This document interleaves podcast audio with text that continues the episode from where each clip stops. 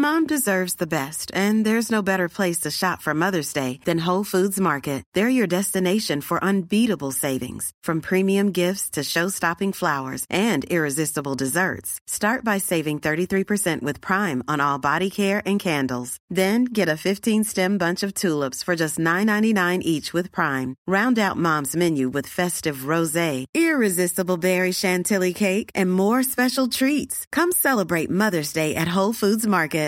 One size fits all seems like a good idea for clothes until you try them on. Same goes for healthcare. That's why United Healthcare offers flexible, budget friendly coverage for medical, vision, dental, and more. Learn more at uh1.com. Wow! Nice! Yeah! What you're hearing are the sounds of people everywhere putting on Bombas socks, underwear, and t shirts made from absurdly soft materials that feel like plush clouds.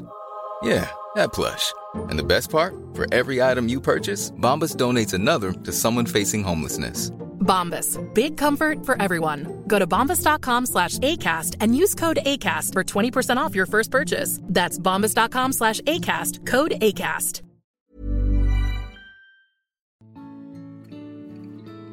Välkomna tillbaka till podden Utan dig med mig Emily. Och mig, Alexandra.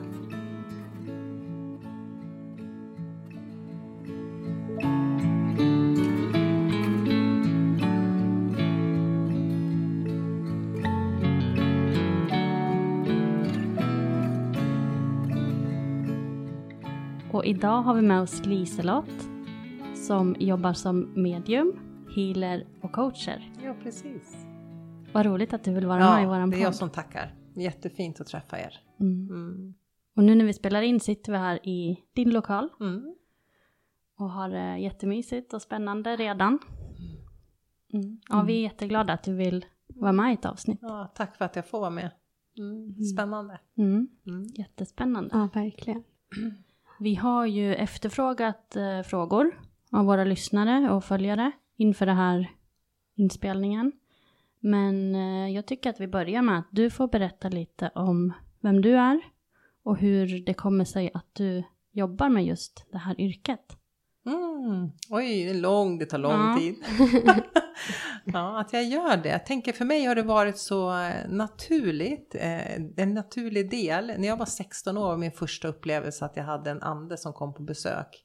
En kvinna som klev in och ställde sig och tittade på mig när jag skulle sova och så tänkte jag, ska jag bli rädd nu? tänkte jag. Men så tänkte jag, jag vänder på mig, jag tittar inte på henne. Så vände hon och gick ut genom dörren eller entrén där det var, så försvann hon ut där. Det var mitt första liksom andliga möte. Sen har jag haft flera liksom, möten på olika sätt. Men för kanske en 11-12 år sedan så började min resa där jag började ta tag i det här med att gå på en medial utvecklingscirkel. Känna att jag vill göra någonting mer. Då tänkte jag egentligen inte att jag skulle jobba med det här utan jag tänkte att eh, jag tycker det är intressant, det är för min egen skull och så vidare. Och då säger det här mediet till mig, men oj sa hon Lisa, att jag ser att du kommer jobba med det här. Du kommer jobba som jag gör. Nej, så det tror jag inte. Så, och när jag brukar säga att nej, det tror jag inte, så är det det som händer.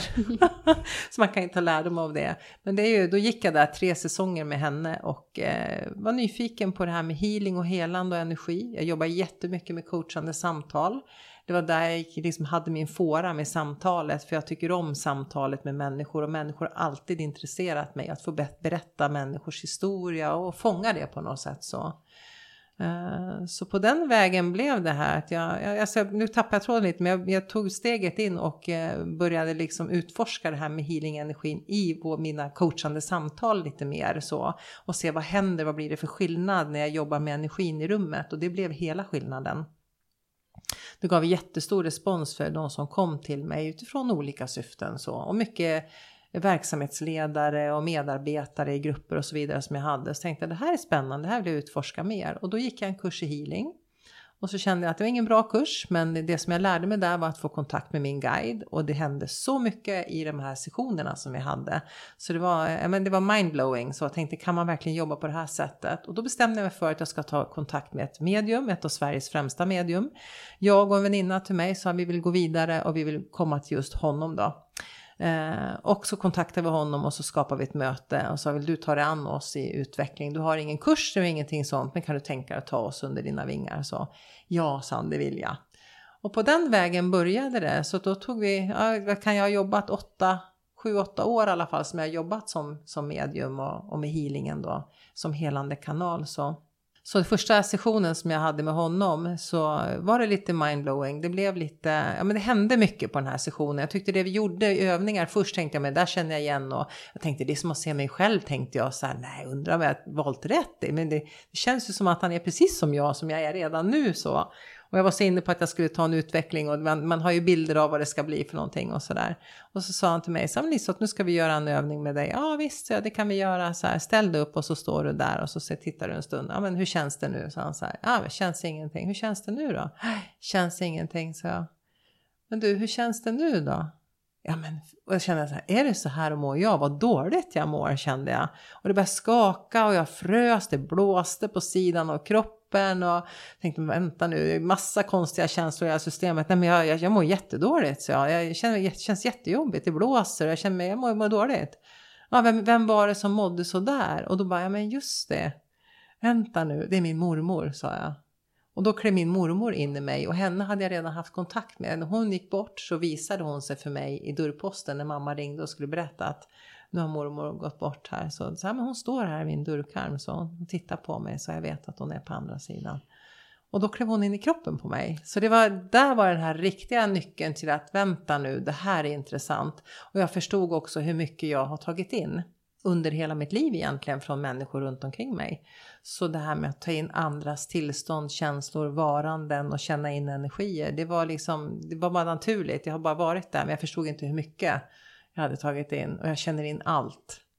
Så, så det här var verkligen en sån här euforisk upplevelse att få connection med mormor och så säger hon det så här, oj vad jag väntat på den här stunden sa hon, äntligen nu är vi här.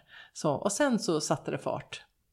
Eh, och därifrån så har jag liksom tog, börjat ta, ta klienter, så sa det pang sa det bara, så kom det hur många klienter som helst då. Och så tog jag nästa steg då och verkligen gick in och jobbade med healingen och tog in träningsklienter på det och pang sa det bara så hade jag massor med klienter där också och bara känna att wow, det är det här jag ska göra. Och då kände jag att nu har jag hittat hem. Det är, här, det är det här jag ska jobba med. Och då har jag jobbat med, som coach och jobbat med företagsutveckling och jobbat mycket med sådana saker och tänkt att men det är det här som ska vara, men det saknas någonting.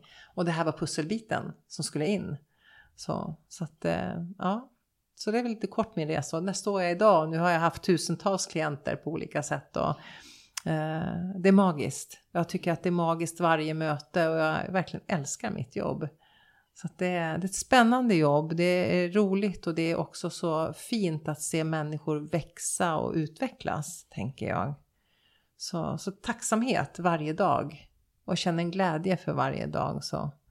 Men det är också det här att kunna ta ansvar för eh, sin egen energi, sitt mående, eh, förståelsen för de delarna. Och det tänker jag, så här, vill man utveckla, vi var inne på medialitet innan, så vill man utveckla det så behöver man också vara beredd på att ta hand om sin egen energi, att se till att vad är det du behöver, vad är dina behov?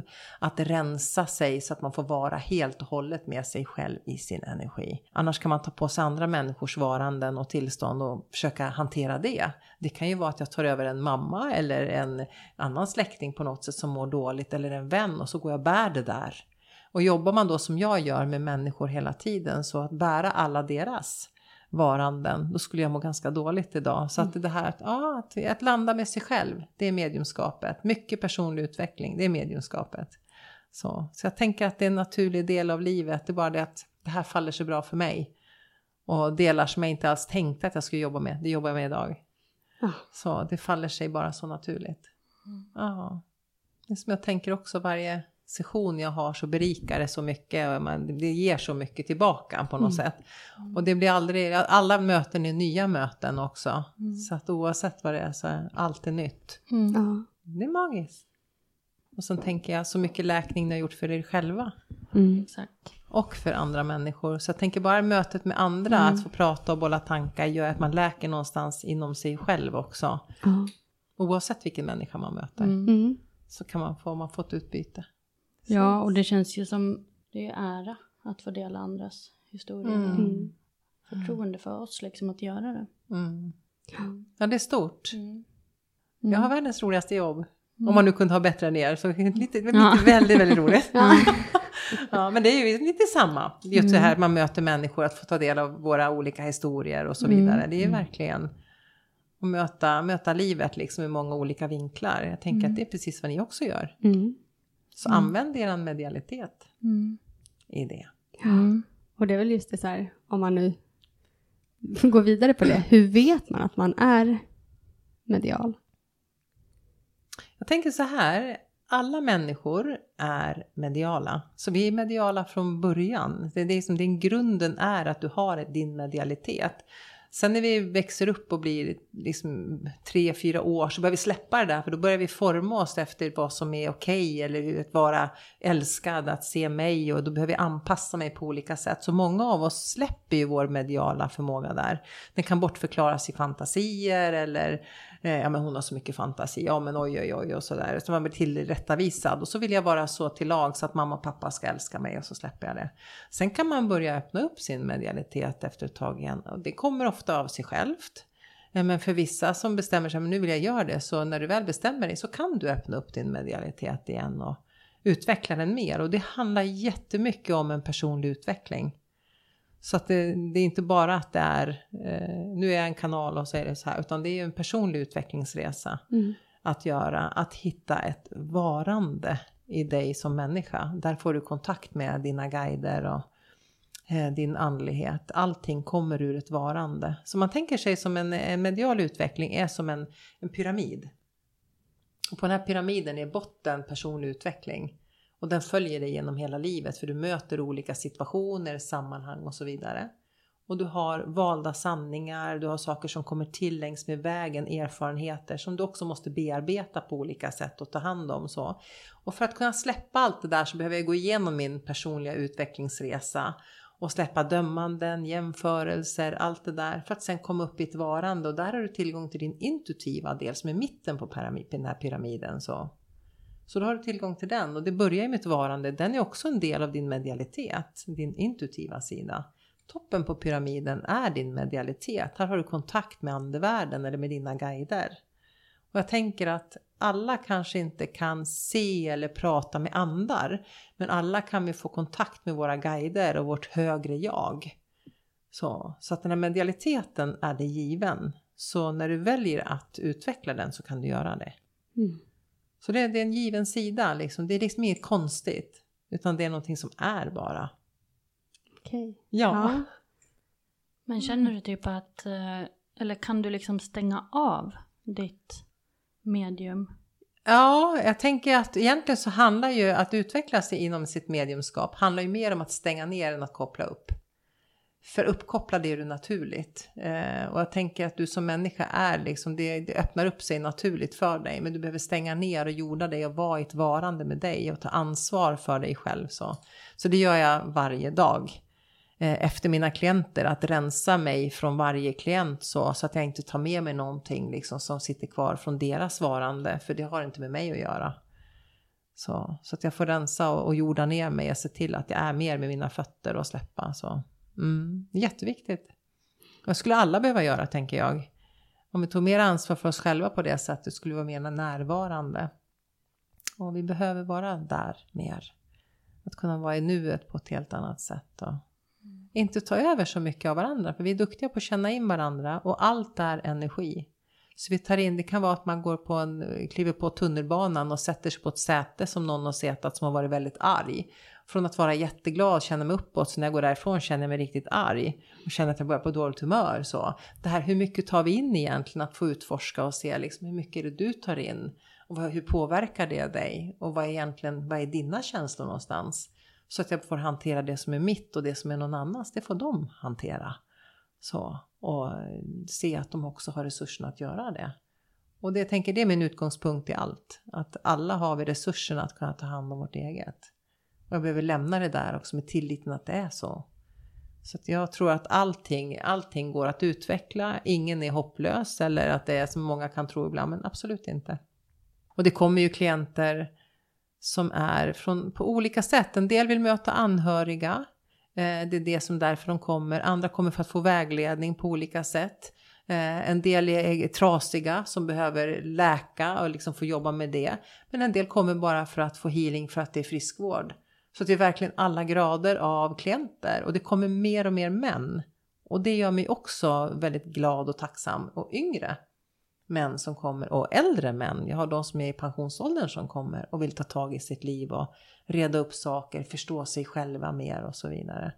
Och det är precis det där som jag jobbar med. Allting handlar om helande. Mm. Men kan du känna in när en person kommer, vad Mm. den är ute efter lite? Mm. Mm. Mm. kan jag göra. När jag länkar in mig på det så kan jag verkligen ta in, okej den här kommer titta på de här delarna. Eller att det kommer en anhörig redan innan. Så vänta nu så, liksom vem ska du till? Så där, nu kommer du igen så, okej, så kan jag se du ska till den här och den här personen så. Men hon kommer inte först då så du får vänta lite. Ah. Så. Sen när den kommer in i rummet, pang, så kommer den här personen in. Okej, där var hon igen. Ja, Du, du har en person som är så här och så här, kan du känna igen? Ja, precis, ja, men det är ju min mormor eller Ah. vad det nu är för någonting. Så, ja, men vad bra, hon är här för hon säger det här och det här, kan du förstå det? Ja, precis så. Och det här att ve- jag, jag vet inte, utan det kommer ju bara. Så det är aldrig att jag vet saker och ting hur det är. Och där kan man aldrig säga som medium heller att så här är det. Men däremot kan jag säga, jag får in det här och det här kommer, kan du förstå det? Mm. Ja, precis så. Jag behöver inte förstå. Men du som sitter och möter mig, du behöver förstå det som kommer. Så, eller få förståelse för vem den här personen är som dyker upp. Så, så det kan jag känna in. Och jag vet att i början när jag jobbade, mycket sånt, man säger, i början när jag tog emot klienter så hade jag speciellt vid ett tillfälle så var det ändå, att när jag tog emot hemma då, så var det mycket sånt, nu tar jag inte emot så mycket hemma längre och nu tar jag emot på ett helt begränsning av mitt hem också så att jag inte får in någonting i mitt hem. Så. Men då hade jag en, en kvinna som, som skulle komma och den här mannen då som kliver in på, på kvällen och så sätter han sig, man ser honom sitta som en liten projicerad bild egentligen i en gungstol. Han gungar, han gungar på den där. Så jag, vem är du då? Så jag, vem ska du till? Vad, vad, vad vill du för någonting? Så här, Nej, men jag ska träffa den här och den här personen. Så, ja, men hon kommer inte förrän imorgon. Nej, men jag vet, men jag sitter här och väntar. Okej, så. Och när hon kommer sen så förklarar jag, du får sitta där, men jag kan, kommer inte prata med dig förrän imorgon när hon kommer den här tiden. Så, nej, men det blir bra, jag sitter här och väntar. Ja, du får göra det. Och så kom hon och så berättade jag, jag har en man och så säger han så här och så han sitter och gungar på den här stolen. Då visste ju hon direkt vem det här var. Så ah, han vill prata med dig, han säger det här och det här, kan du förstå? Så, ja, jag förstår precis. Bra. Så, att, eh, så är det. Så vissa är lite mer otåliga än andra kanske? Absolut. Och En del är väldigt så här, glada i att åh, nu kommer den här och nu är jag, det här jag längtat efter och sådär. Liksom. Medan andra kan vara, när man frågar efter någon så kan det vara, kan ta lite tid innan de kommer. Och, och för att kunna vara i sin mediala kanal, tänker jag lite grann, du frågade om innan där också, med att ha, liksom, vara medial, så behöver jag ta hand om min energi så att min frekvens kan höjas. Gör jag det, så man kan tänka sig egentligen som att det blir ett spann emellan två poler. Jag höjer min energi medan min guide som jag kommunicerar genom får sänka sin energi. Det här utrymmet är där vi pratar, det här utrymmet mellan mina händer nu. Det är här vi kommunicerar. Ju mer jag höjer, ju bättre kommunikation kan vi få. Så, men ibland kan det vara längre ifrån beroende på vad vi är. För vi är ju bara fysiska varelser så kan det vara lite längre ifrån och ibland är det mycket närmare. Så, så ibland är det väldigt direkt rakt på. Så. Och då blir det ju också, eftersom vi har ett spann, inte riktigt som en fysisk person utan det blir att de visar kanske i bilder eller att de visar liksom med känslor mycket. Eller att jag kan höra dem prata eller det kan visa på olika sätt. Så. Genom att det är här genom metaforer, symboler och så vidare som kan komma på olika sätt. Just det. Mm. För det hade vi faktiskt fått en fråga om också. Mm. Hur du upplever det när du men, möter någon från andra sidan. Mm. Om det är dofter eller om det är bilder eller... Så det kan vara lite olika. Det kan vara lite alltså. olika. Ibland kan man verkligen känna doften av cigarrrök eller den speciella tobaken i pipan eller så. Absolut, så dofter kan vara väldigt markanta och ofta får jag också den upplevelsen att när någon har fått påhälsning hemma att de kan känna igen just dofter. Att du kommer som pustar av den här parfymen eller när, när farmor hade det här pudret eller vad det är för någonting som doftar på ett speciellt sätt. Det brukar komma emellanåt och så är det, ja men då är det att de, de visar sig genom med de här dofterna för att det är igenkänning i det. Så. så att det kan komma med ljud eller ja men absolut så. Och kommer de hem till någon på det sättet så kan det ju vara vid ett tillfälle var det någon som satte på kranen i köket och de förstod inte varför kranen går på så mycket. Går dit, stänger av och så kommer den på igen så. Att det kan vara rent fysiskt man kan uppleva det på det sättet så. Ja men då hade den här personen diabetes och drack väldigt mycket vatten. Och de försöker bara göra sig gällande på det sättet att se att det här är jag, kan du förstå? Så, Och då behöver de visa sig på det sättet som personerna kan känna igen sig i då. Så att, eh, ja, på alla olika sätt. Man kan se, höra, känna. Liksom. Jag, jag började med att jag kände väldigt mycket, sen jag ser jag väldigt mycket också. Nu kan jag höra ibland liksom också att hur det pratar eller höra ljud och så vidare. Och dofter. Så det, och det är olika. En del ser, andra hör, en del känner och så vidare. Så Ja. man kan ha olika sinnen som är det som är mest påtagligt. Men jag, kan, jag har in alla de här på olika sätt. Så. Mm. så jag måste vara öppen för att det kan komma på alla de här olika sätten. Så till exempel om jag nu har känt ganska mycket doft som jag associerar till Sally. Mm. Är det då typ att hon är och hälsar på eller visar sig för mig? Kan det vara? Mm.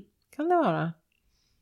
Att det kommer också vissa speciella tidpunkter liksom som du vet att det är liksom okej nu kommer hon igen, nu kommer hon igen. Det kan vara, Ja. absolut. Så när man, kan, man kan ju märka det också, jag tänker när man får besök hemma så där så kan det ju vara men just fysiska ljud eller att man märker att det finns beröring eller att det kommer liksom att de sätter sig i sängen eller att liksom man kan höra fötterna när de går eller det kan Mm. visa sig på lite olika sätt. Så. Mm. Ja, jag har ju varit väldigt tydlig med att jag inte har velat ha så mycket Nej. besök. Eh, men jag har ju börjat känna att jag mer och mer vill det. Mm. Så hur, om man nu skulle vilja ha besök, vad, vad ska man göra då? Jag tror det första du ska göra är att släppa din rädsla. Mm. Känner du att jag... Ja, jag känner det. Så, och att släppa den här rädslan som, eh, som bor i dig i det. Att liksom, är jag rädd för det så släpper jag ju heller inte in. Och då kan det också förvrängas. Det liksom, min rädsla kan göra att det blir obehagliga upplevelser eller att jag kan upp- uppleva det som obehagligt. Så. Även om inte de liksom vill absolut inte skrämmas eller göra på något sätt så, så att du ska bli rädd så kan du ändå bli det för att det är lite främmande. Att någonting händer, att det åker ut saker i en ram som ramlar ner om och om igen eller att det händer saker i hemmet så kan det kännas obehagligt. Och jag får du lite rädd för den här rörelsen på det sättet. Släppa rädslan helt och hållet. Mm. Det är liksom, jag tänker att det är en annan dimension av verkligheten. Så, så att det är bara. Och att vara rädd för det hjälper inte någonstans. Då skapar jag mer villfarelser för mig själv än vad som egentligen... Så oftast är det rädslan som sätter igång massa händelser på olika sätt som, som jag kan tolka på olika sätt som Mm. gör att det blir mer obehagligt och så vidare. Sinnet är ju väldigt duktigt på att skapa i det. Så, Mm. så, så släpp rädslan och träna, kanske rent lär dig att Lär dig att öppna upp din egen kanal. Eh, att träna upp din medialitet och få förståelse för vad det är för någonting. Att det just är bara energi. Eh, och få, få del av kommunikationen som du vill att den ska vara. Mm. För det är inte så att det bara händer dig utan då kan du ju också styra. Alltså jag tänker jag som kanal kan ju styra hur jag vill ha min kanal. Så jag kan ju tacka ja till vissa saker och tacka nej till andra saker. Så jag blir ju testad när jag går in i min utveckling. Hur kan vi använda Liselott som kanal då? Och vill hon det? Nej, men det här vill jag tacka nej till, men det där tackar jag ja till. Mm. Så här vill jag att det ska vara för att det ska fungera för mig. Ja, men då blir det det. För mina guider vill jobba genom mig och de är tacksamma för det. Det är ett samarbete och samma sak för dig. Så, Mm. Så att eh, släpp rädslan och titta på vad står den för? Vad är det för någonting som ligger i vägen för dig som du behöver släppa taget Mm. om? Så. Jag får att den kan vara ganska påtaglig. Eh, Ja, den det. har alltid varit det. ja, jag får det. Mm. Så. Och du är ju, du är ju jätte, du är väldigt medial. ja, jag har ju haft känningar att jag är det sen Ja. jag har varit liten. Ja, men precis så. Men har varit så himla rädd. Och du har sett saker när du var riktigt liten också, får jag, så, som finns där. Så att det är liksom, och, och det här skapar en rädsla och kanske är det människor runt omkring som också skapat en rädsla kring det. Förstår du? Så att det är ju, vi tar ju över känslor från de vuxna runt omkring som tycker att det är obehagligt eller, och då blir jag också rädd, fast jag egentligen inte var det från början. Men då blev jag rädd och helt plötsligt så stänger jag igen den där dörren och tycker att när det pockar på, då blir jag ännu mer rädd. Mm. Så, fast det är någonting helt naturligt, tänker jag. Ja. Ja, det är bara. Det är, och hur vill jag förhålla mig i det? Och vill jag ha kontakt med en nära anhörig eller vill jag ha, ja men antingen kan man komma till ett medium och så kan man ha en seans och bjuda in till. Men också kan jag faktiskt utveckla mina egna förmågor och se hur mycket jag kan ta mig den vägen. Så. Och jag ser för din del så ser jag, ja det finns inga hinder i det. Mm. Att utveckla dig, liksom dina sinnen och, och där får du också jobba med dina rädslor. För det är ju en personlig utvecklingsresa som vi var inne på förut. Mm. Så att titta på vad står det för? Vad är det för valda sanningar som ligger i vägen för dig? Just det. Som du behöver släppa. Så. Mm. Mm. Men skulle det kunna vara så att man vill för mycket? Mm. Men vill jag för mycket så pressar jag på. Och så är jag där och pressar på ännu mer och då har jag inte ett varande längre. Och eftersom all kommunikation sker i ett varande så får jag heller inte kontakt. Så jag tänker att när jag sitter och har en session så kan inte jag vara i ett presterande utan jag är i ett varande. Så jag är bara närvarande med dig när du kommer till mig som klient så då stannar jag upp och så är jag i ett varande med dig. Då kan jag hämta in och vara närvarande med din energi och se vad är det som kommer upp här i relation till dig. Så. Men går jag in i en prestation att jag liksom, jag vill så mycket så jag pressar, pressar på i det, då kan jag stänga ner det och jag kanske också förväntar mig i den här, att jag vill så mycket, då vill jag att det ska vara på ett visst sätt för att jag ska tycka att det är rätt. Så det måste vara att jag måste se eller jag måste få höra eller vad det nu är jag bestämmer mig för. Fast den kommunikationen kanske inte fungerar så i relation till dig. Då kommer du heller inte vara uppmärksam på hur kommunikationen är, för du kommer redan att stänga av där och bara lyssna i ett spår. Och det har jag ju sett med alltså med, med vänner som har gått i utveckling och där vi har gått kurs tillsammans på olika sätt som har bromsat sig för tror att det måste vara på, eller jag vill att det ska vara på ett visst sätt, vilket gör att det funkar inte någonting av det. För att jag är så inställd på att men jag måste få höra. Jag vill bara höra, eller jag vill, jag vill faktiskt bara se, jag vill se, se, se. Men det är inte den vägen som den här personen har varit kanal för. Vilket gör att då stängs det av där. Jag förstår inte, det funkar inte det. Nej, men precis. Är du ett varande då? Nej. Nej, det kanske finns en förklaring i det. Mm. Så, för så fort jag går in i prestation eller när jag pressar på för mycket så och jag kräver massa saker, det är inte villkorslöst längre. Då går det inte. Det, det finns ingen, eh, ingenting att känna in längre. Jag är inte närvarande med energin eller så. Att släppa och bara kliva in i tilliten i varandet. Här har du mötet.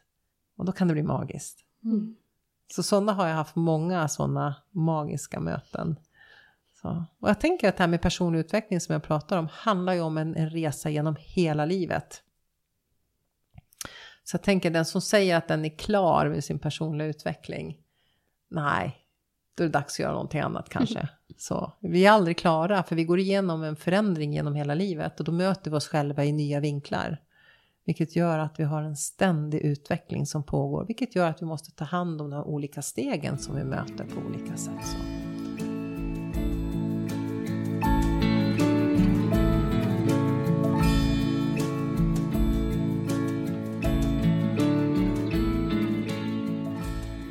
Men jag är lite rädd för att man skulle typ kunna bli besviken också. Om kan man verkligen... Mm. Hur tänker du då? då? Ja men om jag till exempel skulle gå till ett medium, då skulle mm. jag hoppas på att få kontakt med Ture.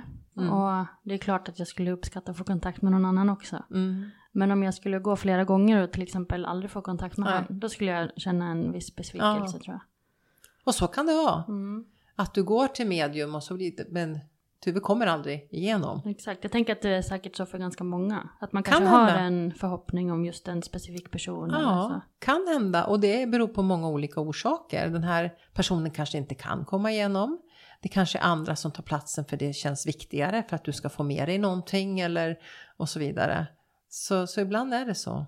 Jag har haft föräldrar, jag har haft barn som har kommit igenom som har haft eh, lite äldre barn som har gått bort, de är väldigt unga ändå. Och när de har kommit igenom så har de också kunnat beskriva, jag tycker om det där mamma när du sätter, när du tänder ljuset på den här platsen som ser ut så här och så här och jag har ju ingen aning. Så det här tycker jag om, när de verkligen får beviset för det. Eh, den här känslan att få mötas i det och vilken läkning som kan ske i det. Att man ser att det finns någonting mer. Så, eller eh, den här, den här unga killen som också tar sin resa och går bort där han ändå kan beskriva vad som hände, lite saker som var runt omkring den här händelsen. Eh, och kan visa på andra aspekter som familjen får, får stöd i. Det är magiskt när det händer. Men, men jag tänker när jag har mina sessioner så säger jag ja vi bjuder in till det här men vi kan aldrig lova att det är den här personen som kommer igenom. För jag kan inte styra det. Utan det kommer ju den som kommer. Mm. För om det vore så att vi kunde styra då skulle vi göra det på det kanske sättet mera. Att vi tycker det är den här som ska komma in så. Men så enkelt är det inte. Det är en kommunikation med, med andra sidan och den här personen behöver vilja komma igenom, kunna komma igenom och det finns olika orsaker till kanske varför den inte kan komma igenom i relation till den här personen av olika skäl. Så, så att, och det behöver inte vara något dåligt utan det är bara, jag tror att det, man behöver hitta en acceptans i det Eh, och att välja att vara i tillit. Och kanske kan det här mötet med en annan anhörig ändå visa på att det finns en tillit till att det finns någonting mer. Och vi är del av någonting större. Livet är inte bara slut efter det fysiska varandet. Det finns också någonting som fortsätter. Men på ett annat sätt. Men eh, jag förstår ju om inte du kan svara på alla Ja. frågor. Men varför kan inte alla komma? Alltså det, det finns olika orsaker till det. Eh, jag ska se om jag kan, jag ska fråga lite för att se om vi får någon eh, respons i det på det sättet. Så ni kan få en, en förklaring som ni kan förstå. En del är inte riktigt klara eh, där de är. Jag hade vid något tillfälle här så hade jag en, eh, en annan person som kom i en persons ställe från andra sidan och berättade detaljer som den här barnet då, eller vuxna kvinnan som ändå var barnet till den här kvinnan som hade gått bort, kunde förstå. Så hon var som ett språkrör emellan och kunde förklara varför hon gick emellan. Och då hade hennes mamma tagit livet av sig. Så det var, hon var inte redo att kunna ta nästa steg. Och jag får också när, när jag kommer liksom över till andra sidan så är det lite grann att jag, jag får gå igenom mina lärdomar. Jag får liksom eh, sortera och paketera om på olika sätt det som jag har fått med mig från det här livet. Att göra klart så jag kanske ska läka på vissa delar liksom, så att jag får släppa och komma vidare så. Vissa delar behöver sjunka in så. Och den där kvinnan vid det där tillfället var inte redo att kliva igenom. Så vi bokade en ny session. Det här hände vid en seans. Där vi var flera stycken så. Och där vi bokade en ny, eh, ny session hon och jag. När hennes mamma kliver igenom. För då fanns det en möjlighet att komma igenom. Och då hade vi väntat ett tag. Så, så ibland kan det vara att det kan vara lite för tidigt. De kan inte komma tillbaka så snabbt. Eh, av olika orsaker. Så, och en, en del har saker de behöver släppa taget om som inte är klart eller det som ska moduleras om i relation till dem själva. Så, som behöver få, få ta sin tid. Så, så det, det kan nog vara flera olika orsaker men där är en orsak. Jag får ju också att eh, jag tänker att jag har haft sessioner med, med personer som absolut inte var det att de skulle ha kontakt med någon från andra sidan men där en levande förälders själ kommer igenom i sessionen för den föräldern har inte förmågan att kunna ge det som den här dottern behövde i det här fallet. Vilket var att det blev en konflikt mellan den här dottern och sin förälder som låg kvar. De kunde inte mötas.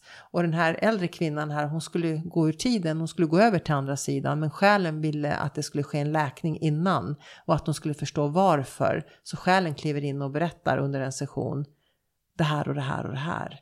Och hon förstod precis, vilket också gjorde att de fick en helt annan relation. Hon fick en förståelse innan hon sen gick bort och lämnade den här världen. Så att jag tänker att ibland kanske vi inte kan förklara allt, men vi är, vi är liksom många delar av att vara en människa.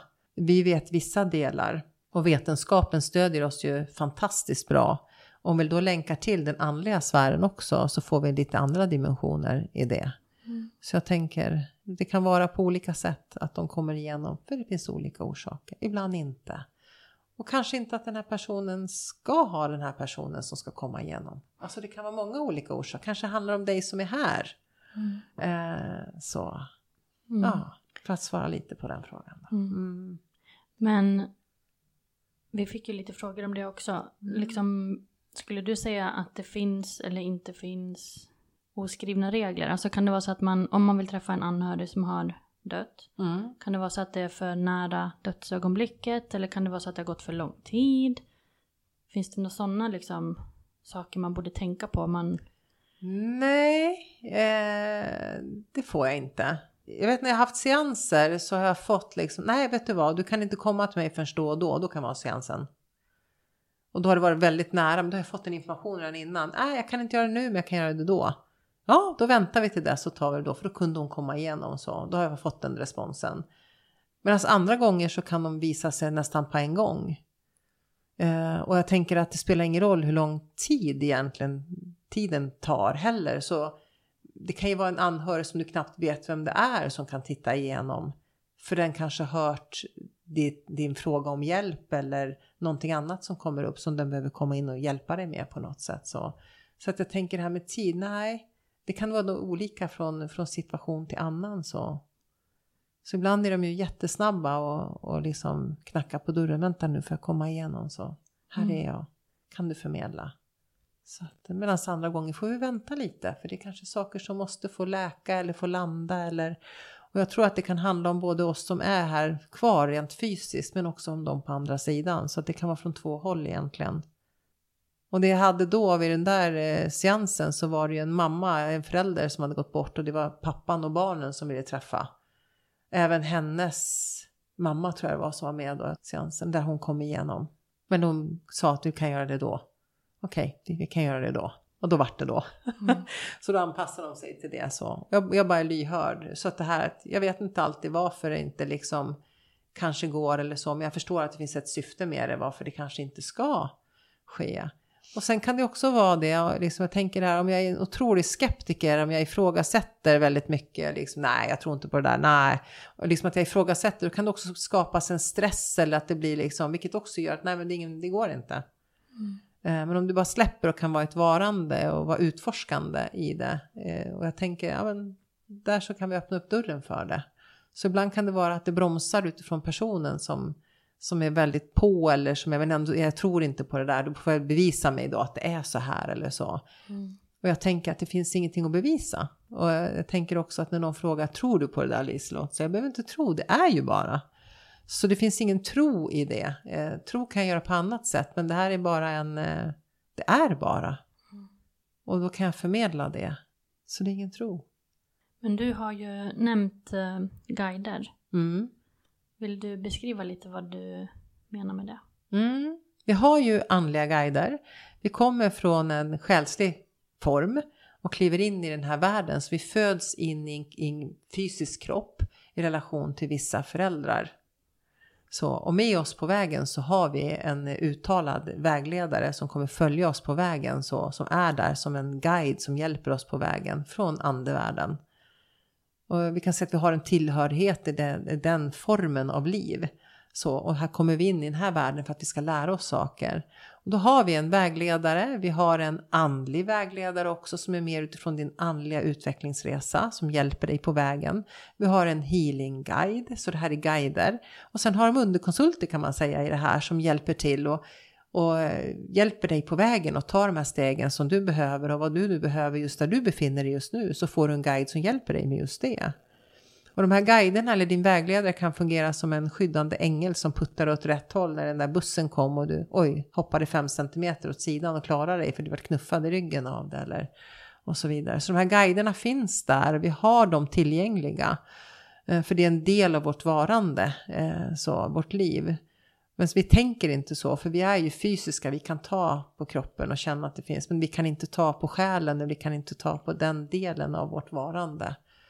Och den håller ju på att utforskas väldigt mycket. Det är många som forskar och tittar på hur kan vi få del av mer av hela varandet av vara människa. Ja, jag svarar på din fråga. Mm. Mm. Men så alla har guider? Alla har guider. Eh, och vi har flera olika guider. De här kan man skapa kontakt med. Så då kan man, när du utvecklar din medialitet som vi var inne på här innan så, så får du kontakt med dina guider. Och därigenom går all information och kon kontakt med andevärlden, vilket gör att du inte behöver vara rädd till exempel i det, för då vet du att det går alltid genom din guide. Och du lär känna din guide, hur den känns, hur den kommunicerar, hur ni har kontakt så. Och då behöver du aldrig fundera liksom, och känna en rädsla, då vet du att jag har connection här, då kan jag alltid vara trygg i det. Så det skapar ju en trygghet. Och de här guiderna finns där för oss. Och det gör jag ju, när jag har mina kurser så, så har vi ju där man får lära känna sina guider och få utforska sig själv utifrån energi på olika sätt. Liksom den här formen av att vara jag, hur mycket tar jag in och vad är det i relation till mina guider och sådär. Och guiderna behöver nödvändigtvis inte vara någon gammal släkting? Nej, de här är inga släktingar, eh, ska jag säga. Däremot kan du ha en släkting som också kliver in och hjälper dig och guidar dig där du är. Men det är inte de guiderna jag pratar om nu. Mm. Utan det är på, det är på ett helt annat plan. Men du kan ha en släkting som kommer in och stöttar dig olika tidpunkter i livet. Eh, som kommer in som en liten skyddsängel för dig. Som min mormor som kliver in genom dörrposten och säger nu är jag här. Och hon har gått parallellt med mig på sidan om. Jag har pratat jättemycket med henne från andra sidan och känt hennes närvaro. Sen klev hon ju in i kroppen på mig så blev det ju en helt annan upplevelse. Jag kände wow, okej okay, nu fattar jag poängen. Så här kan det också vara. Det är mycket mer. Så. Min pappa har varit en guide åt mig från andra sidan också. Är fortfarande. Så, och kliver in och pratar och kommunicerar med mig när jag behöver så kan jag bolla en tanke. Så, så jag tror att du också har stödjare och personer på andra sidan som du redan har kontakt med, som du vet, som du pratar med också. Och som stöttar dig jättemycket bara av att du vet att de är där. Och de kan kliva in ibland. Om du är ledsen så kan den här personen från andra sidan också hörsamma det och komma in och hjälpa dig eller stödja dig i det.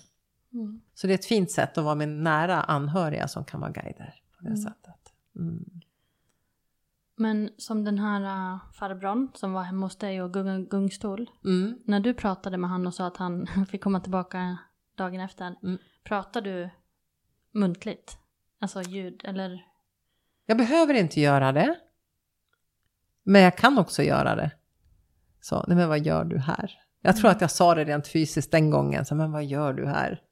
Så vad, vad gör du här? Så, vem är du då? Och så förklarar han vem man var, vem man skulle till och sådär. Så, men hon kommer inte förrän imorgon, klockan då och då. Ja, ah, jag vet. Ja, jag sitter här. Ja, du får sitta där, men jag kommer inte att prata med dig. Förrän vi, när hon kommer. Nej, men det gör inget, jag sitter här och väntar. Jag. Mm. Så då, då pratar jag med honom rent fysiskt. Så andra gånger så behöver jag inte prata, vi har en kommunikation ändå. Och det är så oftast det pratar, alltså det här att det kommer en information. Ding, ding, ding, ding, ding, ding, ding. Då kan jag ställa en fråga och så kommer informationen. Och det gör jag ju när anhöriga kommer igenom så ställer jag en fråga till dem och så kommer de igenom och visar på olika sätt då. Hur de nu kan visa. Så, och så förmedlar jag, jag får det här, den ser ut på det här sättet och den säger det här, den lyfter fram den här saken och det är tydligen någonting som är kopplat till dig i det här perspektivet. Kan du förstå det? Ja, jag förstår precis. Ja, bra. Och de, de, när de kommer igenom så vill de också bevisa sig ju för att visa det här är jag. Mm. Att du ska känna igen dem. Så. Och det är viktigt. Kan de inte det måste de gå. Så de kommer tillbaka igen och visa att det här är jag, utifrån det här känner du igen. Och det är det här och det här och det här. Bra, då vet vi. Det är sånt som jag absolut inte jag vet. Jag har ingen aning. Jag har ingen mm. koppling. Jag behöver inte förstå. Bara du förstår. Så jag är bara en kanal för det. Så får de prata genom mig och... Men hade du fått till dig någonting om oss innan vi kom hit idag? Nej, alltså jag, jag tog en bra energi, eh, känner jag med er. Eh, det kände jag in redan när ni frågade frågan. Så tänkte jag så här, är det här någonting som jag kan tänka mig att ställa upp på? Så tänkte jag så här, ja ah, okej, okay, det kan jag. Det här känns gott, det här är någonting som är fint kände jag. Så här, det här, ja men det vill jag. Jag vill också vara med och bidra till helande på något sätt. Det här att få tillgång till sin inneboende kraft och kraftfullhet känna sig sedd och älskad. Det är någonting som jag står för i allt jag gör. Så, och det är jätte, jätteviktigt att det är där och det kände jag mer. Så. Sen kommer det upp det här med två pojkar. Eh, kommer in bara så, som är som att det är någonting med två pojkar. Eh, jag vet inte vad det är för jag har inte gått in i det utan jag har liksom okej okay, det kommer två pojkar. Det är någon av dem som har två pojkar. Så det vet jag. Så. Och det är någonting med den där personen. här skulle jag kunna gått in och frågat mer. Men det har varit så upptagen. Så jag har haft flera andra klienter mm. idag här. Så vi har jobbat med regressionshealing och då var helt upptagen i det. Mm. Så jag har, inte, jag har inte frågat någonting eller varit. Så jag tänker vi tar det som det är. Och se vad som, vad som kommer upp i det. Annars hade det blivit att vi har suttit här och haft en session. Ja. Du och jag. Uh, och det, nej, den är inte bra. Jag tror vi hade en liten session innan. Mm, ja. Fast det var utifrån andra perspektiv mm. här. Så. Och jag tror att det var det som skulle komma upp till er lite grann idag. Det som kom innan den här sändningen. Mm. Mm. Att ni ska hörsamma det. Mm. Ja, det var jättefint. Mm. Det var det. Och din guide visas ju också väldigt tydligt. Mm. Och du kunde till och med känna av den. Så det är bra, det vet du. Det vet jag. Så när du känner det där, då vet du att du är i connection. Och du kan se, du kan se det, för jag ser att du tittar åt ja, sidan precis här. Så. Mm. Jag känner att det är varmt där. Du känner det ja. ja. Och så direkt du pratar om det så får du en känsla av mm. det. Så den är, den är jättepåtaglig den här mm. energin. Men du har flera som sagt var runt omkring dig. Så att jag ser faktiskt att det är flera som är här. Så när jag har åhörare från andra sidan ser jag som är med. Eh, och tittar och är med. Mm. Mm-hmm. Mm. Så jättefint. Ser det en precis mitt emot oss här också nu som är. Så att det är flera stycken som kliver in. Mm. Vad fint. Mm, det är jättefint. Får vi skärpa till oss lite? Eller hur? Ja. Men jag tänker att många som lyssnar på våran podd har ju förlorat någon. Mm. Så det är ju många som undrar vad du tror eller vet händer när man dör. Mm. Alltså du går ju tillbaka till en energi som är du redan från början här i ett fysiskt form. Du släpper ju din fysiska kropp och det kan vara för oss människor när vi är medvetna kan vi ha en sorg i det. För det är den identiteten vi känner så. Men vi är också en, en annan form av energi och där själen också när den lämnar kroppen så händer det någonting i kroppen. Den lever vidare. Så, och det är också det som gör sen att du kan också få en kontakt med den här personen eller få vara i connection med den energin, den energiformen. Så. Och det är ju så att det också får att det, liksom, det är ju här för en anledning som själar. Vi ska lära olika saker. Och när livet blir för kort, så att det inte blir liksom, vi får inte den här resan som vi ska gå igenom så. Då går vi tillbaka upp i den här ursprungliga energiformen för att också gå ner igen. Då kommer vi ner och lever ett nytt liv igen ganska så snabbt. Jag får också för den som har tagit livet av sig eller där man kanske också har slutat livet lite för tidigt. Kan det också vara en sån, ett skeende, det var inte klart, då får jag komma ner och, och eh, göra om ett liv till. Och ta om det där så jag får mina lärdomar som jag är här för att få och få del av. Så. Så jag får att du kommer upp i en annan energiform. Jag får också att det finns eh, utvecklings... Eh, som en utvecklingshierarkier eller att jag har liksom, jag utvecklas i min energiform. Eh, där jag kan ta olika steg i min utveckling. En del av oss som kommer ner och lever på jorden här har också sen kan vara vägledare åt någon som lever här. Så att om man tittar på min vägledare jag har, har varit en person som har levt här på jorden för många, många, många, många, många år sedan. Så. Eh, och som nu inte är i den fasen att den går ner och lever några mer liv, utan mer är i relation som en vägledare eller guide. Så, så att jag, jag, får att det är flera utvecklingssteg som du går igenom när du kliver upp i den andra sfären av energi. Och mycket sånt som vi inte ens kan eh, kanske ta på eller förstå, men det är energiformen utvecklas. Och en del av oss, eller många av oss, kommer tillbaka och lever nya liv eh, in i en ny kropp. Och det händer också att eh, ett barn som går bort också kommer, kan komma i nästa barn. Eller kommer ett senare barn till samma familj igen. Om det händer, Ja, kan man få kontakt med den här personen ändå? Eller är det så att det är... ja okej. för det är en fristående person. Okej. Ja, din själ har ju många olika. Så det barnet kan du få kontakt, du kan till och med få kontakt med barnet genom det barnet som den kliver in i. Så den aspekten så. Så att eh, absolut att du kan få. Mm. Så när du pratar om mina två pojkar. Ja, Så min, jag har ju haft en jättestark koppling till min yngsta. ja. Alltså sådär så att jag ibland inte ens vet vad jag ska ta vägen. Nej. Eh, Så det skulle kunna vara en av mina älskade som har lämnat förut. Jag får inte eller? det. Nej, okej. Med dig, när jag känner in det så får jag inte Nej. det. Men jag får att du har en stark önskan om att det skulle vara så. Ja, kanske. Ja, som att det hade varit skönt om det var så. Det är som att få ett helt paket med alltihopa Ja. på något sätt så. Men jag får inte det i det fallet. Men det kan ha, det kan ha vissa kopplingar med dig på olika sätt. Från tidigare liv också. Ja, just det. Det finns ju många aspekter i Ja. det. Och vi har ju levt flera olika liv. Så, Det är så intressant för att min svärfar är väldigt medial. mm. Och allt det här som du har suttit och sagt nu, det berättade han för mig för några veckor sedan bara. Mm. Så det är jätteintressant. Mm, precis så. Så där, vi ska inte ha någon sorg för, för det som, alltså, vi kliver in i en helt annan energifas, liksom fas egentligen och allt är energi. Jag tror när vi också landar i det liksom och ser den aspekten så kan vi ha en sorg för vår fysiska varande. Men vi vet att vi också har någonting annat som är väldigt fint och eh, genuint, liksom äkta, som också är en del av oss. Och energi försvinner inte. Den finns där. Och jag tänker det här, det, alltså när människor kommer tillbaka på det här sättet och kommunicerar så är väl det en ganska bra markör för att det finns någonting mer. Och vi kan ju välja att tro på olika sätt men jag tror att våga vara öppen för att se de här aspekterna av livet, att det finns någonting mer. Och att vi är del av någonting större än oss själva. Men för det är inte förringa våran sorg i vårt fysiska varan utan ta hand om den för den är så viktig att vi också får vara där. För det är det här fysiska vi tappar i den här formen vi är idag. Så. Men det finns också en annan sfär och jag tycker jag har fått så många sådana möten med människor som kommer in och visar den här aspekten av livet så, och som kan kommunicera med sina anhöriga och där jag får vara kanal som jag blir helt fascinerad över att liksom vad, vad, vad kommer här egentligen? Vad har vi? Vad är vi som människor egentligen? Jag tänker ju mer jag lär mig ju mindre inser jag att jag vet. Mm. Och så kan vi döma åt det ena eller andra hållet. Så jag tänker att vi ska akta oss för att döma utan vi ska nog bara vara öppna för att så här så kan det också vara. Och man kan se på verkligheten med olika ögon. En del skulle säga vilket flum. så. Och då tänker jag att så kan man också tänka. Så jag vet ju bara mina erfarenheter och då behöver jag vara utifrån det. Och så kan jag hjälpa andra att få, få del av sina anhöriga eller utveckla sin egen förmåga eller vad det nu kan vara för någonting. Så. Så jag tror vi ska respektera att vi har olika tankar och hur viktig vetenskapen är. Och nu håller man ju på att forska mycket i de här energisfärerna också utifrån liksom. Så vi får väl se vad som kommer fram där, hur mycket vi kan få fram i den, den vägen.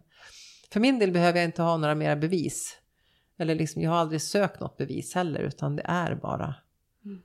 Så jag tror man ska släppa det här med bevisföring mer. Mer att det är viktigt när du pratar med en anhörig att du ska få förstå att det är den här personen. Du behöver ha fakta så att du förstår att det är den. Så. Och att det också är på ett sätt som jag inte kan ta fram som medium eller för att du ska vara i din tillit i det. Så. Och det är vackert när jag ser människor få möta sina anhöriga från, från andra sidan. Det är fantastiskt. Man blir glad i hjärtat. Det känns som det, det läker så mycket i det. Någon som får komma igenom och säga förlåt eller för det som har hänt eller så. Eller bara det här som ett barn som får komma igenom och prata med sin mamma eller med sin pappa och förmedla saker som den här personen har saknat och känner bara wow, det här, nu klickar det i, nu förstår jag. Och då kanske jag kan hantera sorgen som jag har på ett annat sätt. Med vetskapen att mitt barn finns ju där. Och att vi är nära varandra så ändå är det som är. Mm. Ja, verkligen fint. Ja, det är det verkligen. Och det ena förtar inte det andra utan vi har två dimensioner av vår verklighet. Så att det här att ha sin sorgeprocess eller att få vara i de här rutinerna i att kunna hedra det här barnet eller att få vara liksom fira födelsedag eller allt det där. Att man har kvar de där delarna för det är, liksom, det är så viktigt. Då får man en helhet på något sätt i det tror jag och det sker så mycket läkande i det. Det är jätteviktigt. Då kan vi läka på ett annat sätt och förhålla oss till livet också på ett annat sätt. Sen kan vi ta kontakt också och titta alltså med en, ett barn från andra sidan och se vad kan vi få få in där. Och det kan göra en dimensionen ännu bredare för oss. Och det tillför någonting.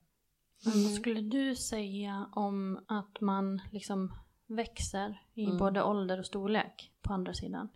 Nej, eh, alltså man växer ju liksom i sitt format av energi som gör att du tillför dig någonting så det finns ju ett växande.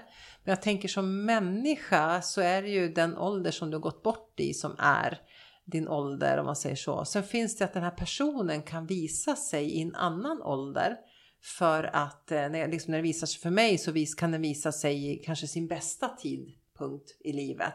När jag mådde som bäst, då vill jag visa mig i det formatet till exempel.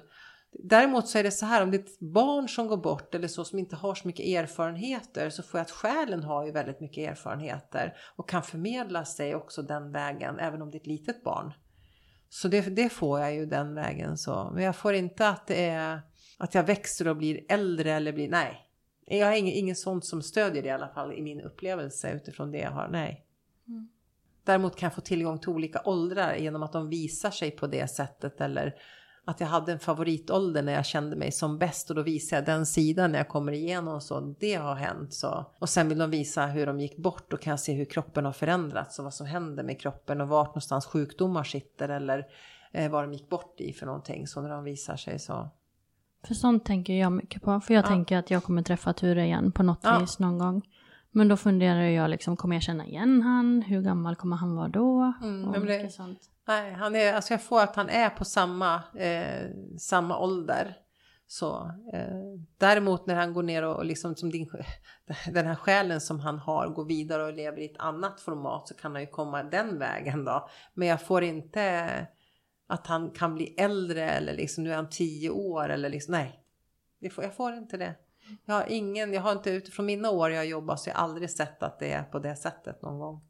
Men Så- till exempel då som Ture då, också Ja. nu, han var ju väldigt sjuk när han dog. Ja, kan man vara frisk i Ja. ande... Det kan det vara. Så du kan få se det liksom att det, nu är det bra. Mm. Som att alla de här krämporna, allt det här som jag brottades med.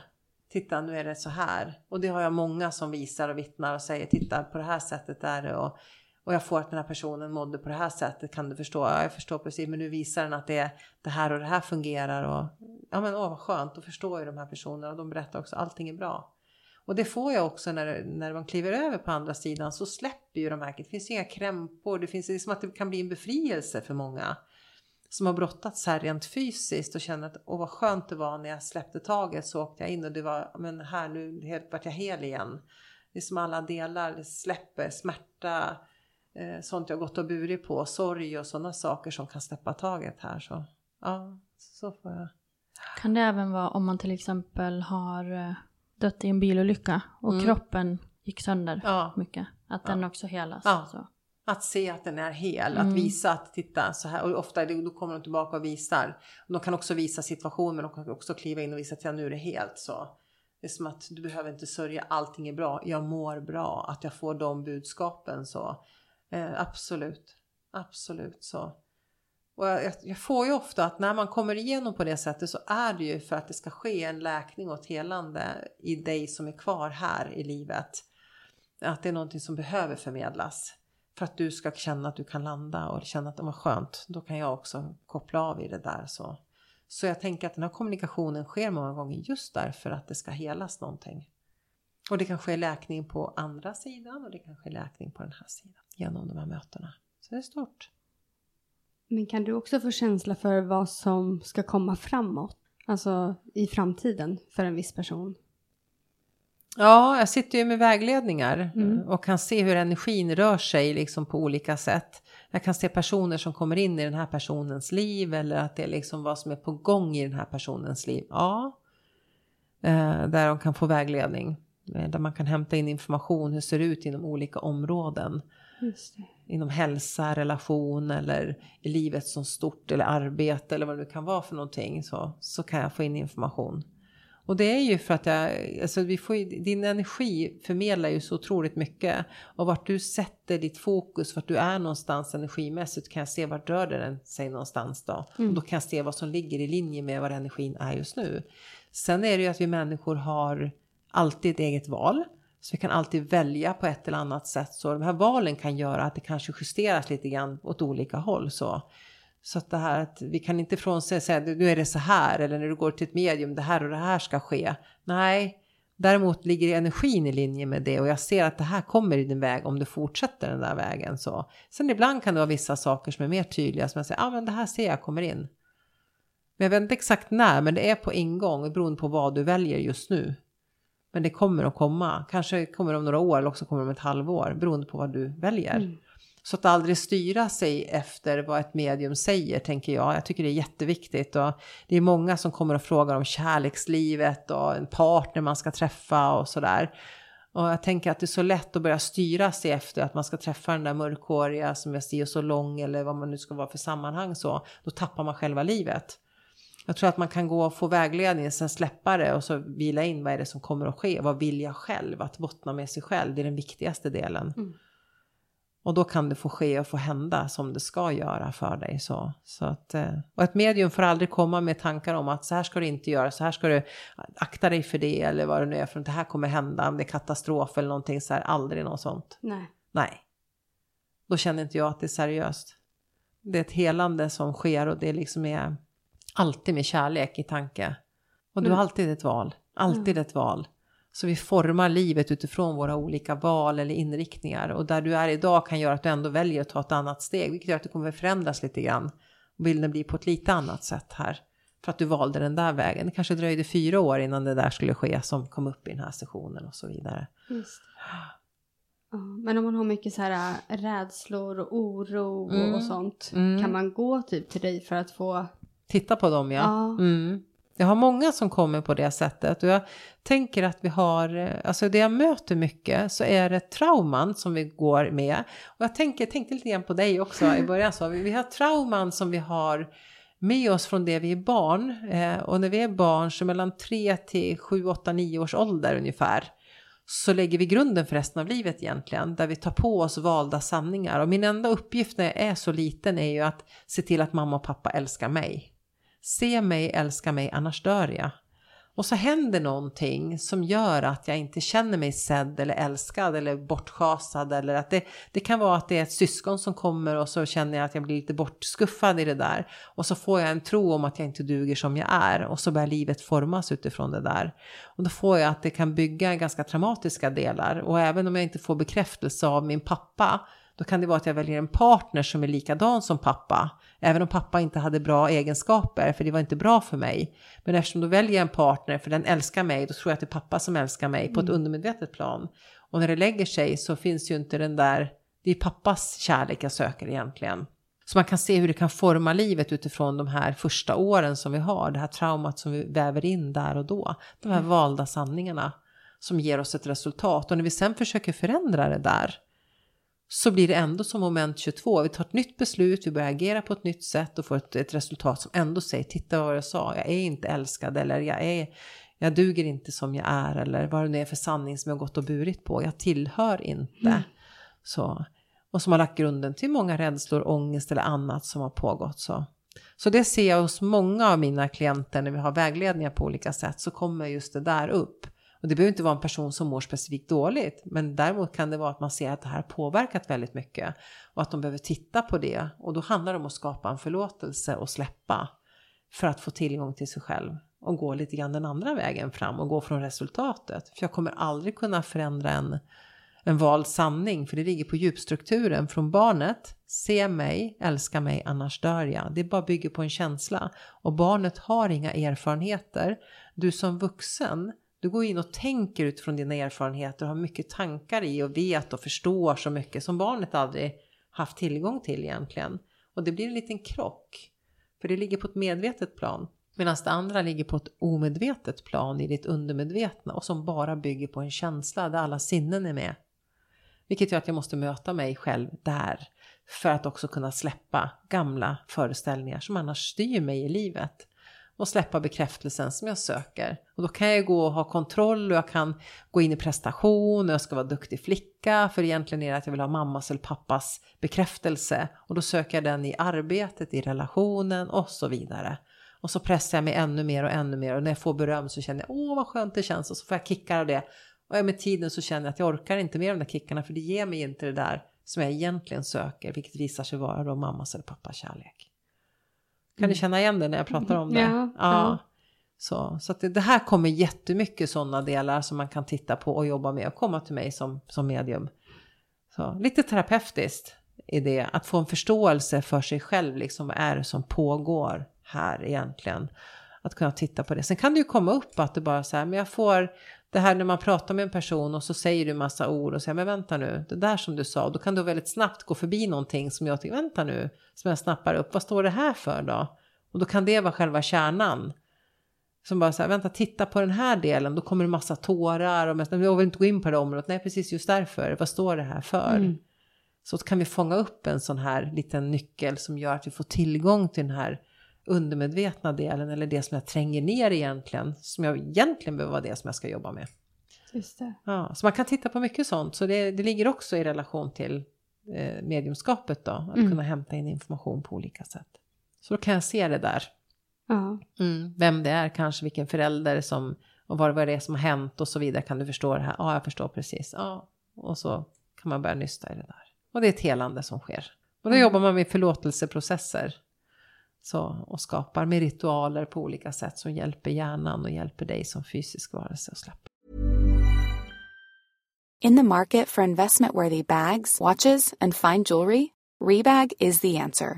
Rebag is a luxury resale platform where each piece is carefully inspected by experts to ensure quality and authenticity. Use Rebag to buy and sell finds from the world's top brands, including Louis Vuitton, Chanel, and Cartier. Head to Rebag.com and get up to 15% off your first purchase as a member with code REBAGNEW. Shop today at Rebag.com. That's R E B A G.com. And use promo code REBAGNEW for up to 15% off your first purchase as a member. Hiring for your small business? If you're not looking for professionals on LinkedIn, you're looking in the wrong place. That's like looking for your car keys in a fish tank.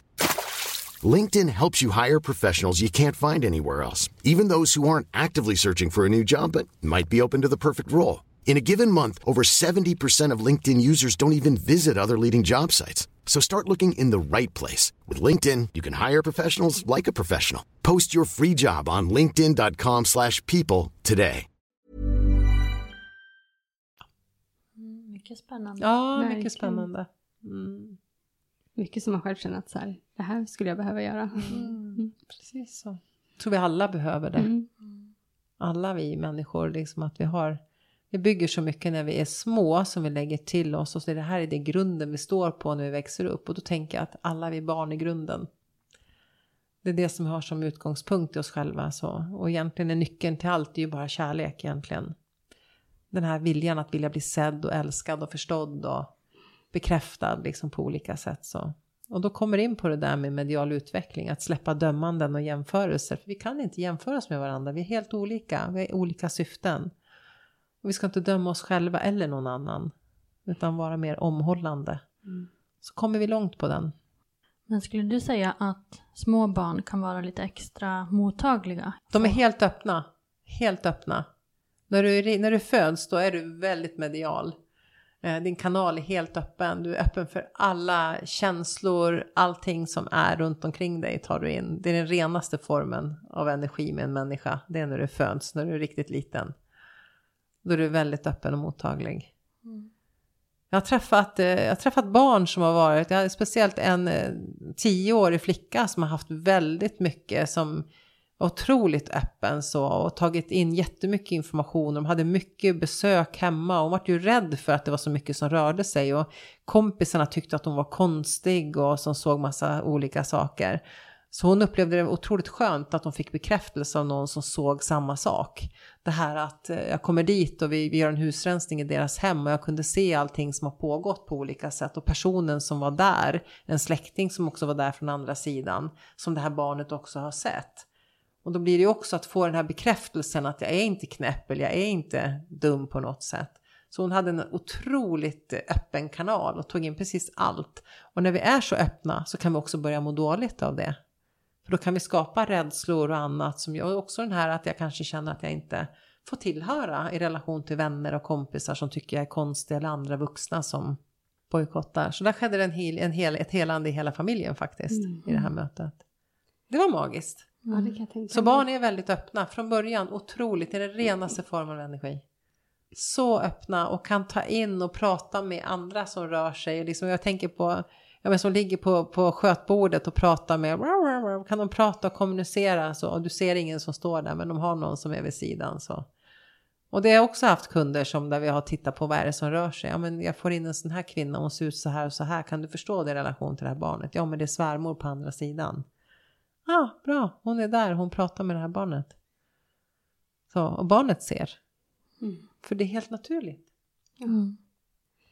På tal om just det så vi satt för, det här måste ha varit kanske ett halvår sedan eller någonting.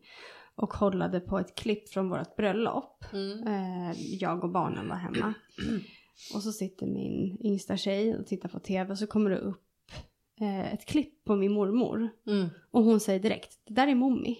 Mm. Och hon har aldrig träffat henne för att Nej. hon dog eh, två, ja, nästan två år innan. Så det tyckte jag var jättefascinerande. Hur? hon, hur kan hon veta det? För Mm. att det är inte som att vi, vi hänger kort på hur hon såg ut då när hon var Nej, äldre. men de har haft kontakt. De måste ju ha haft det. Absolut. Det är helt, det känns jätte, jag får bli sån bekräftelse. Jaha, är det så? Ja, Mm. så mycket kontakt och närvaro. Så. Mm. Det är som att jag vill inte släppa taget, jag vill vara här. Så. Mm. Så att det är verkligen, så berätta om henne och prata om henne och hon är med när ni gör det. Är det så? Ja. att, ehm, Så gör det. Det är jättefint. Så barnet ser också att det är helt okej att hon får kunna eller veta och känna in det där och veta Mm. att det är så. Och det får en relation till henne också som... gud, nu blir jag så här rörd. Ja, Ja, ja men det är jättefint. Det är jättefint. Mm, mycket känslor i det.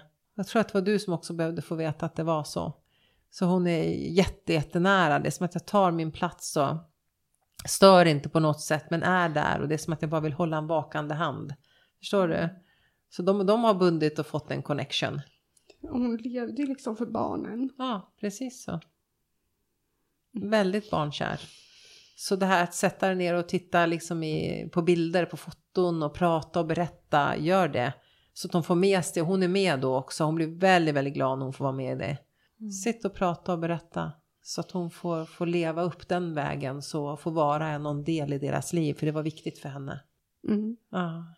Och det är fint, då får hon lära känna henne på alla de sidor som, som du kan förmedla. Jag får så här busigt, tokigt liksom. Jag får, kommer in mycket sånt, så det är mycket bus med henne. Så. Mm. Det är som att jag kan kittla i magen tills så att jag kan vara där och busa till det ordentligt med henne. Så att prata om henne och få barnen att lära känna hennes person lite grann. Och Mm. Det är jättefint. Så ni har sällskap. Är det så? Mm. Definitivt, ingen tveksamhet.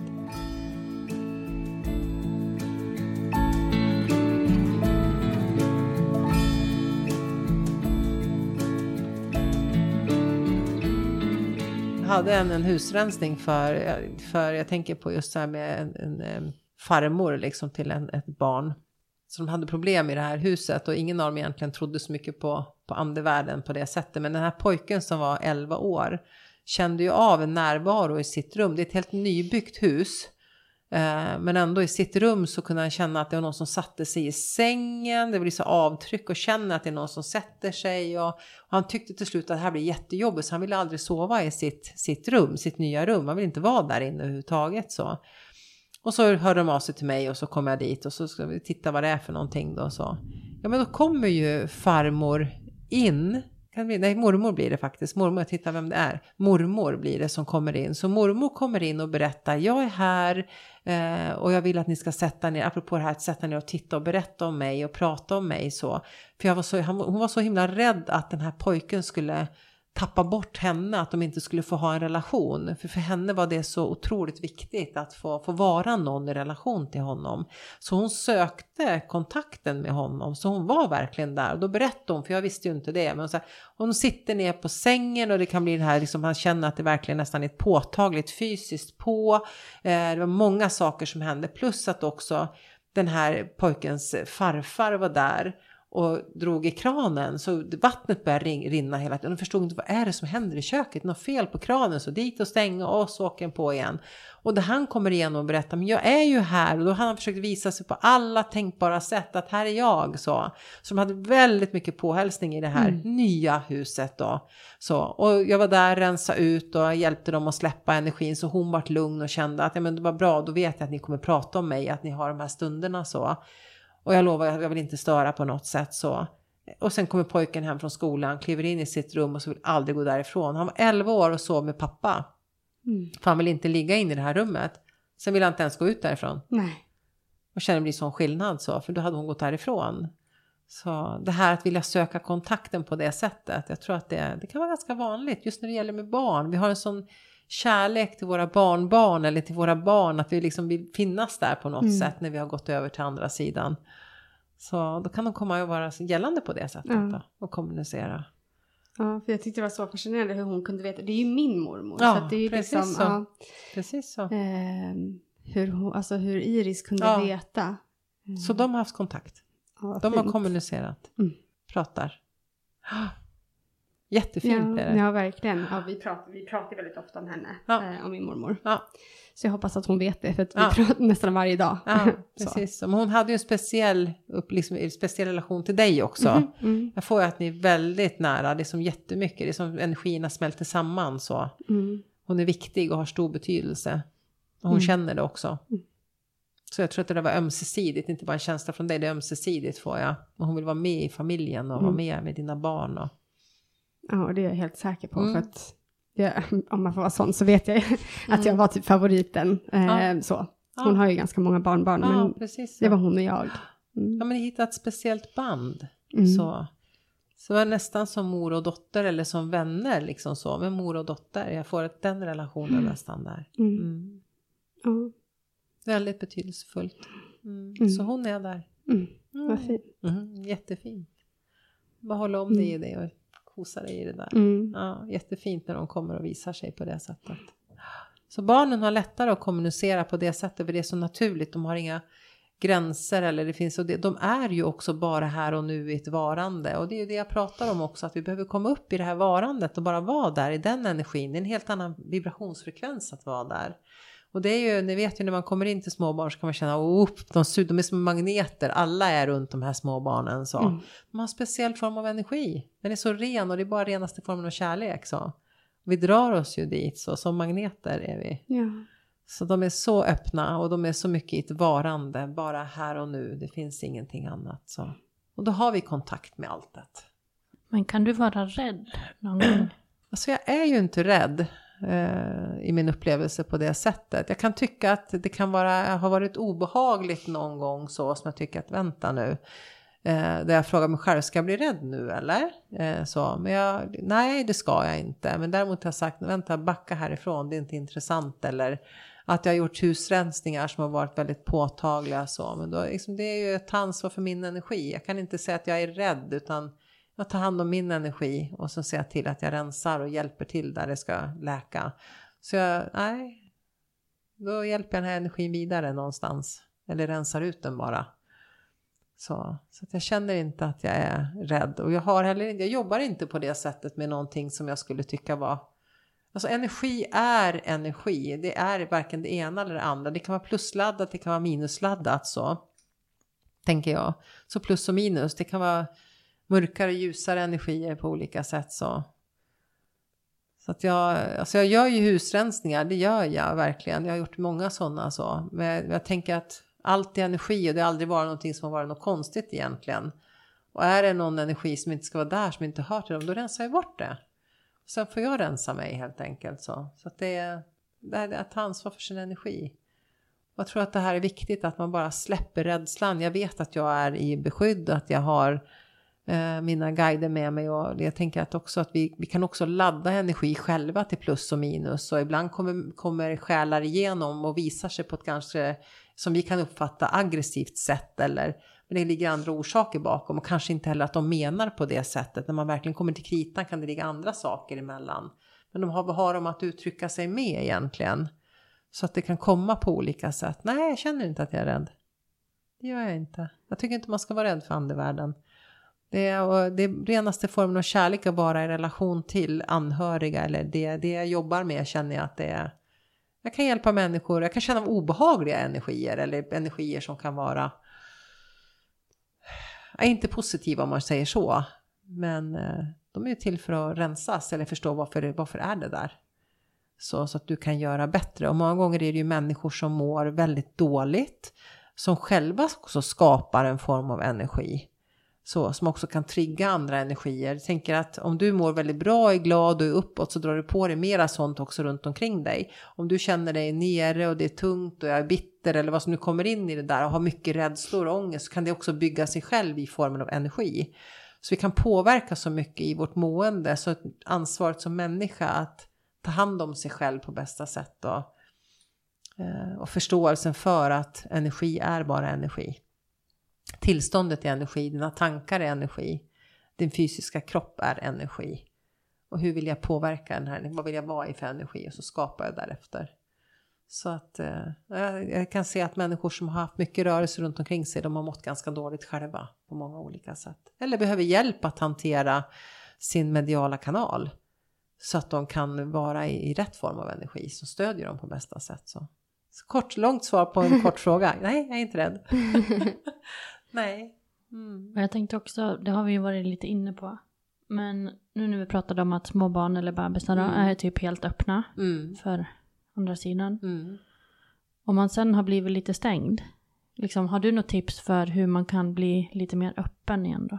Alltså det är ju den här personliga utvecklingen eh, och det är ju att gå igenom varför har jag stängt ner? Vad är orsaken till det egentligen? Så kan det ju vara en rädsla eller det kan vara det är mycket som kan vara här egentligen så att titta på, på de delarna och jag tänker att personlig utveckling är grunden till att öppna upp din kanal. Att ta hand om dig, att lyssna på dina behov, att vara lyhörd för dig själv så. Ta hjälp av någon som, ja men kom till mig och så kan jag hjälpa dig att och hitta vägen till att öppna dig som, för egentligen så är det ju en öppen kanal, men du stänger igen, alltså det blir en tillslutning, jag vill inte vara där, alltså jag är rädd för någonting, då kan jag få kämpa väldigt mycket i det här. Och då kan man ju titta på vad är det som ligger i vägen i det där. Och då tänker jag att det, det handlar om personlig utveckling på olika sätt, saker jag behöver ta tag i i relation till mig själv. och det som är i mitt liv på olika sätt. Så. Och sen vill jag då öppna upp, ja men gå en kurs. Lär dig att förstå vad det är du har att göra med i relation till dig. Du är energi och allt annat är det, hur det attraherar varandra på olika sätt. Då. Eh, det här att också se att du kanske har gått och burit på någon annans upplevelse, smärta eller depression eller vad det är. Kanske är mammas jag gått med hela livet. Att kunna få bara bli medveten kring det när jag släpper hur det är att vara i min egen energi till exempel. Det kan vara en bra början att få förståelse för det, liksom att få landa med sig själv på den, den vägen. Så ja, man kan gå en kurs eh, och lära sig förstå sig själv och sin egen energi och testa på att kanalisera själv och så vidare. Hur mycket kan jag ta in och så vidare. Ut, utforska. Så, eller bara komma till ett medium och, och, som jobbar på det sättet eh, och tar emot på det sättet. Att kunna komma in och ha en session och titta på sin egen medialitet och se var står jag någonstans nu. Kanske få kontakt med sin guide lite grann och få lära känna okej okay, nu det här känner jag nu. Bra, då vet du, här är kontakten. Vill du fortsätta utveckla den så får du de här råden. Och så kan man gå individuellt, som jag jobbar så i alla fall. Då kan man gå individuellt och få hjälp steg för steg liksom och ta de här stegen tillsammans med någon som man krokar arm. Och då är, kan man ju vara lite trygg i det. Då har man ju någon som, som kan stå på sidan om och hålla i armen. Det tror jag att det är ett viktigt steg att ta. För många gånger om jag stängt igen, det kanske beror på rädslor. Eller på andra saker som är men som ligger i vägen för mig. Jag kan ju också ha en rädsla som kan ligga från ett tidigare liv. Jag tänker nu innan ni kom idag så har jag haft regressionshealing här hela dagen. Så och där har vi tittat på eh, liksom låsningar som kommer från tidigare liv. Och som också kan göra att jag kanske varit dömd i tidigare liv på grund av min andlighet eller sådana saker. Och då kan det vara en stor blockering till varför jag egentligen stänger ner, att jag inte vågar vara i det. För att då kanske jag inte fick tillhöra eller jag varit avrättad på grund av min, min, att jag jobbade med helande eller att jag jobbade på, eller jag hade en tro på ett visst sätt eller så, som gör att jag har en blockering i det här livet. Kan vara. Så, så att, eh, då kan man titta på vad är det för någonting och hur skulle du vilja att det var? Mm. Kan du mm. se alltså, personers tidigare liv eller mm. hur det har mm. varit? Ja men precis så. Jag tänker det som jag jobbar med här under dagen, då har det ju varit, då går vi tillbaka i, då landar jag med dig som klient, då skulle du få lägga dig på den där bänken som jag har här. Och så kommer jag landa med dig en stund. Jag håller i dina fötter och så kommer jag gå i, över din kropp och känna in energierna som är länkade till din kropp på olika platser av kroppen. Så. Då kan jag identifiera ett eller flera tidigare liv. Eller också inget skulle kunna vara, än så länge har det inte varit så, men jag brukar alltid säga det, det skulle ju kunna vara så. Att du inte hade det, då får vi jobba med livet som är här och nu, för då är det viktigare. Men liksom, här kan det dyka upp ett eller två eller tre olika liv och då tar jag det livet som är mest påtagligt och så berättar jag om det här livet för då visar sig den här personen och vad som har hänt för någonting. Det berättas också om hur det har påverkat dig i det här livet. Och så får du information kring det och så löser vi upp den där blockeringen så att du blir frisatt från den och då händer det jättemycket i kroppen på olika sätt. Som för de som är här idag mm. till exempel. Så, där man blir friställd från vissa delar, man får en förståelse varför jag känner eller varför jag är på ett visst sätt eller så vidare. Och var det kommer ifrån så. Ja, och det kan vara ganska påtagligt. Så där ser jag de här tidigare och då visar de sig för mig så jag kan se dem. Ibland är det barn, ibland är det äldre. Och man kan ha varit både man eller kvinna? Eller ja, oh ja. Man, kvinna, barn, du kan vara i alla åldrar på olika sätt. Mm. Och så visar det här, den här personen sig i liksom situationen som hände eller det, så får man veta vad är det för någonting som ligger kvar, vad är det för trauma som ligger kvar och skvalpar hos den här personen då och hur har det påverkat den här personen. Och då står det nästan aldrig fel, de känner igen allting, de förstår varför de har olika symptom eller vad som händer i kroppen eller i sinnet och så vidare. Så det är otroligt kraftfull healing att jobba på det sättet. Men det var också en del så här att säga att det ska jag aldrig göra. När jag gick i kursen i det där i första stegen, min mediala resa, så jag tänkte jätteintressant, jag tar gärna del av det för jag vill absolut inte utesluta, men det är ingenting som jag kommer jobba med, sa jag. Det tycker jag låter för flummigt. så, och sen visade det sig att jag hade jättelätt för det där. Jag är jättelätt för att hämta in ding, ding, ding, ding, ding. Så nu håller jag kurser i det där så att man hjälper andra människor att kunna se och ta del av det på olika sätt. Då. Så, att jag, ja, så har jag jobbat med det och känner att det är ett fantastiskt sätt att hjälpa människor att få släppa. Och man behöver inte tro på det. Det är bara att vill jag ha healing? Ja, det vill jag. Okej, vi jobbar med det här och ser vad som kommer upp då. Just det. Så, så att det. Men på tal om just healing, om man går och gör en healing, mm. måste man vara noga med så att för jag tänker om man gör fel, alltså kan man som healer göra fel så att man typ för över sin energi på sin klient? Förstår du, måste, hur jag menar? Ja, så, ja, jag tror jag förstår vad du menar. För jag tänker så här att som, som kanal för helande eh, så måste jag vara väldigt ansvarstagande så att jag mår bra, jag måste ta hand om min skit eller det som jag härbärgerar så som pågår i mitt liv. Att det aldrig någonsin kommer in i relation till dig som är här. När jag har en annan klient liksom innan dig så måste jag rensa min energi innan så att jag är helt ren och bara se till att det jag är i relation till dig är helt ren så. Om inte jag skulle göra det så skulle jag ju kunna bli sjuk för jag kan ju ta på mig massor med energier som är lägre vibrationsfrekvenser och så vidare så kan jag bli dålig. Så, och det kan ju också göra att healing blir sämre i mm. relation till dig. Så, för vi, vi ger ju och tar så att det kan ju ge tillbaka energier. Så det är viktigt att vara ansvarstagande över sin energi. Så Just tänker jag. Jag tänker att det här är liksom bara AO, etik och moral. Liksom. Är, jobbar jag, då tar jag ansvar för att vara en så bra kanal som möjligt. Så att jag inte för över någonting liksom. Så du behöver aldrig vara rädd att du ska få någonting mer in när du kommer hit. Nej, precis. Det jag tänker din... mer om man går till någon annan. Ja, Hur vet det... man liksom att det är en trygghet eller att man inte får någon negativ energi med sig på något sätt. Alltså människor som inte mår bra, som inte eh, liksom känner att de har sin balans, ska heller inte jobba som psykolog eller healer eller liksom eh, vad det än är coach eller vad det nu kan vara för någonting. Jag har med människor att göra eller terapeut så, då har jag ett otroligt ansvar att ta hand om mig själv. Så oavsett vilken av de här genrerna jag kommer till så kommer jag ju känna av det om en människa mår väldigt dåligt. Det kommer inte ge mig mervärden. Då kan du lägga över massa saker på mig istället på olika sätt så. Och jag tycker att det är omoraliskt och det är liksom brister i etik där. Alltså mm. det gäller verkligen att ta ansvar. Så jag tänker att som, som terapeut, coach eller vad det än må vara, ta ansvar för din för din energi, att du mår bra. Det är därför jag pratar så mycket om den här bottenplattan i allting, att det behöver vara den personliga utvecklingen. Jag jobbar konstant med mig själv för att vara mitt bästa jag. Om jag står för någonting som jag vill skänka och ge till någon annan, då måste jag själv ge det till mig själv. Och det tänker jag att de flesta kan missa på vägen till att man vill bidra så mycket till läkande. Då ger jag så mycket ut där, då glömmer jag bort mig själv, vilket gör att då kommer jag ju bränna mig själv på vägen. Det är inte värt något. Så ska jag verkligen kunna bidra då måste jag ta hand om mig själv och ge mm. till mig det jag ger till dig. Som om jag vill att alla ska få tillgång till sin inneboende kraft och kraftfullhet. Känna sig sedda och vara älskade så. Ja men då behöver jag ju själv, om, inte, om jag inte jag ser till mig i det, då har jag missat en person av alla de som jag vill ge det till. Och jag tänker att jag är den som är viktigast, att jag ska känna att jag är där. Sen må vi ju till från stund till annan så vi människor, vi går igenom olika saker. Men att aldrig någonsin ta in det i mitt arbete. Skulle det vara så att jag inte känner, vänta nu, nu är det inte bra här, nu är min familj mår dåligt eller vad det är, nu, nu måste jag faktiskt backa, då gör jag det. Och jag tänker då får jag boka om alla de här sessionerna. Och det har aldrig hänt hittills att de har bokat av och inte kommer tillbaka. Utan jag tänker att det är en respekt. Så, så att eh, när någon är dålig i familjen eller när jag tycker att nu, är, vänta, nu är det för mycket här, det händer någonting här, då backar jag direkt. Finns inte en tveksamhet mm. kring det. Så att du ska känna att det, och jag önskar att alla hade haft den den eh, liksom, eh, eller det sättet, det synsättet att utgå ifrån. För att vi behöver vara det när vi jobbar med människors mående och hälsa. Liksom. Vi ska känna att vi kan komma till någon som verkligen tar ansvar för sig själv. Mm. För hur ska jag kunna lära ut till dig om jag inte tar ansvar för mig?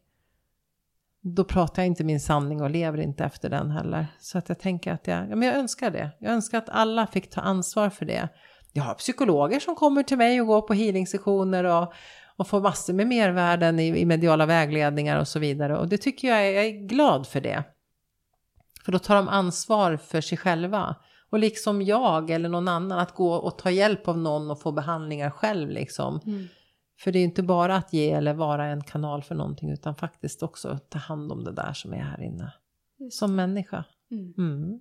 Personen har ju faktiskt ställt just en sån fråga om hur vet man liksom att man kommer till ett vettigt medium eller så. Mm. Jag tänker att man ska nog gå och titta lite på referenser. Kan vara bra. Eh, omdömen det kan alltid vara bra att man får lite koll på dem. Du kan aldrig veta riktigt säkert. Det finns ju alltid ett skrå som kanske inte är helt seriösa. Men det finns också många som är väldigt seriösa och väldigt duktiga.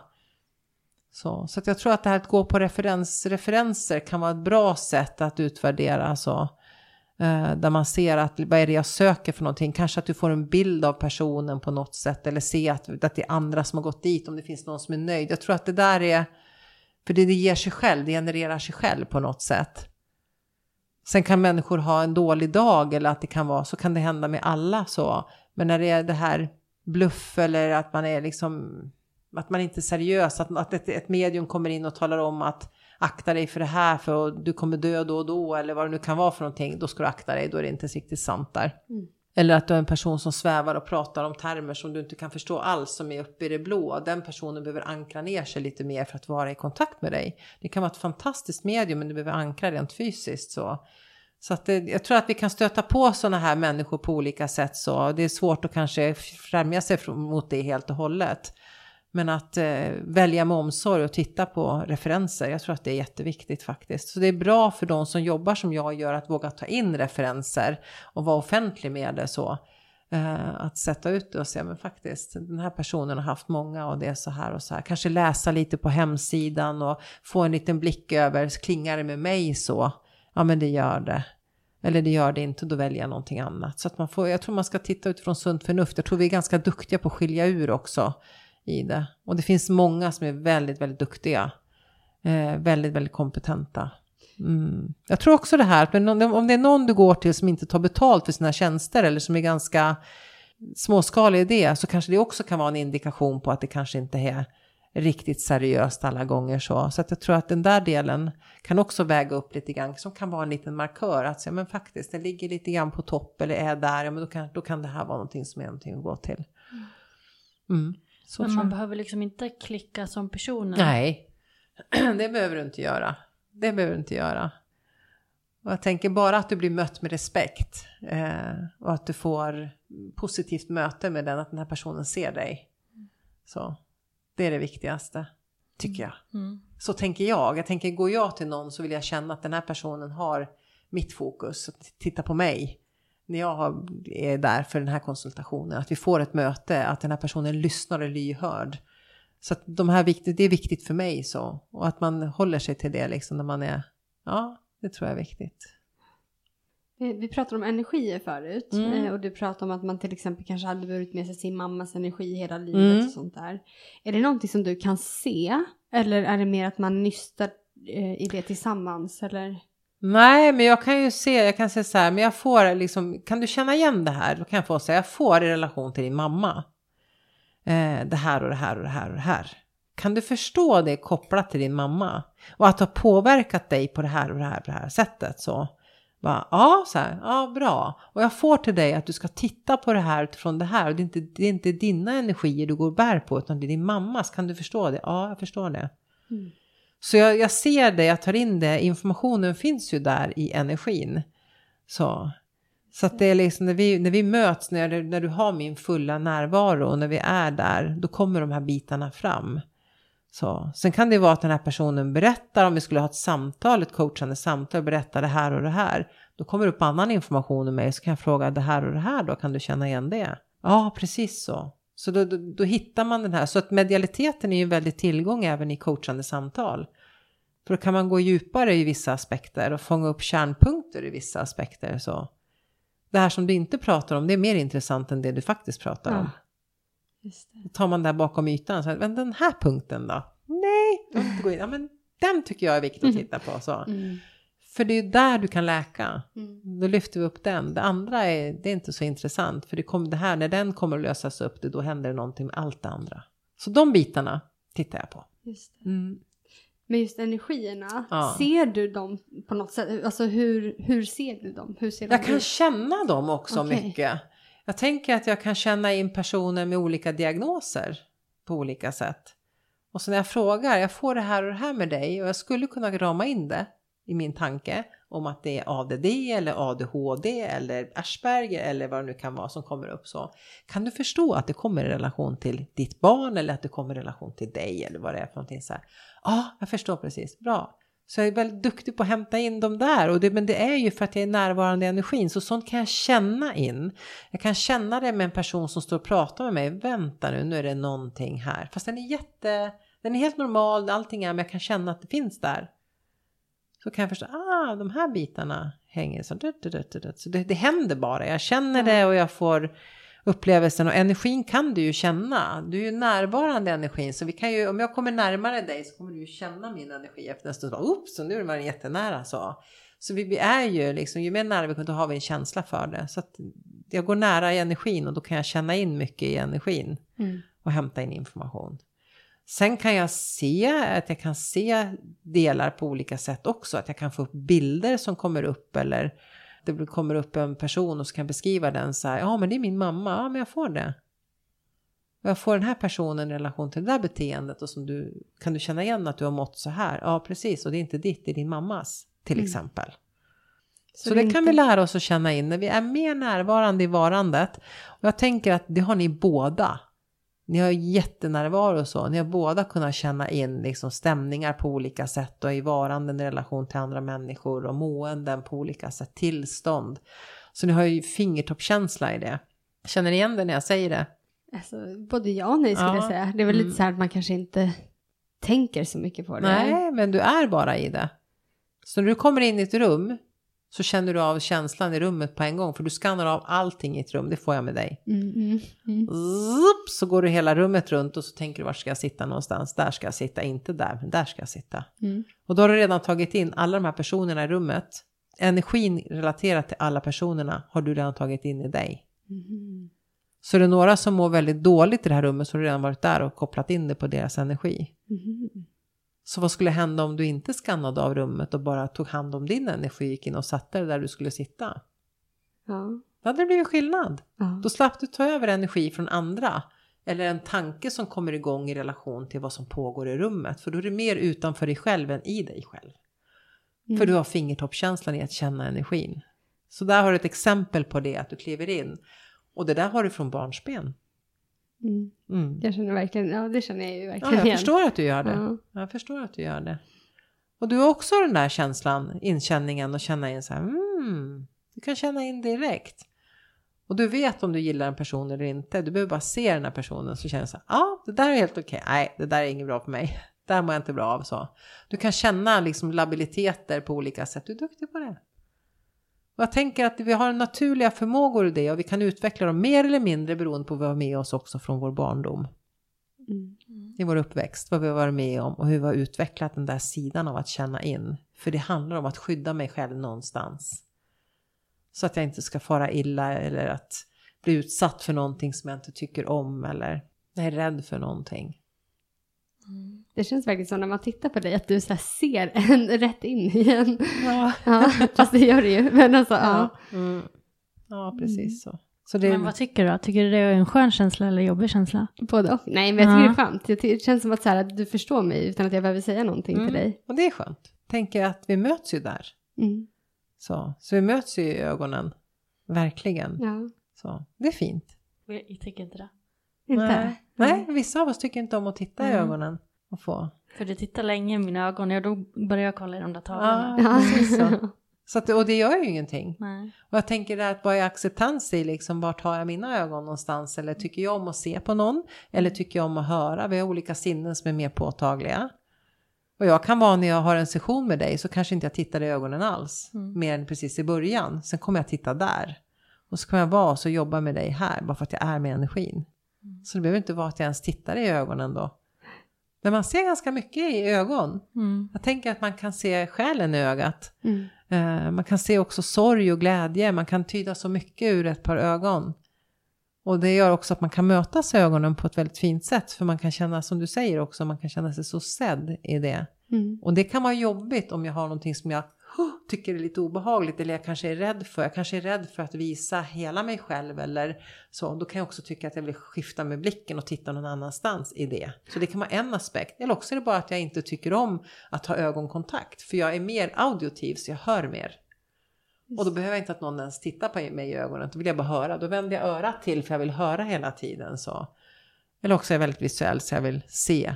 Så, och jag är väldigt visuell så jag vill verkligen se, jag tittar och sådär. Men sen när jag har det i position då kan jag titta där och prata. Och då brukar jag säga det.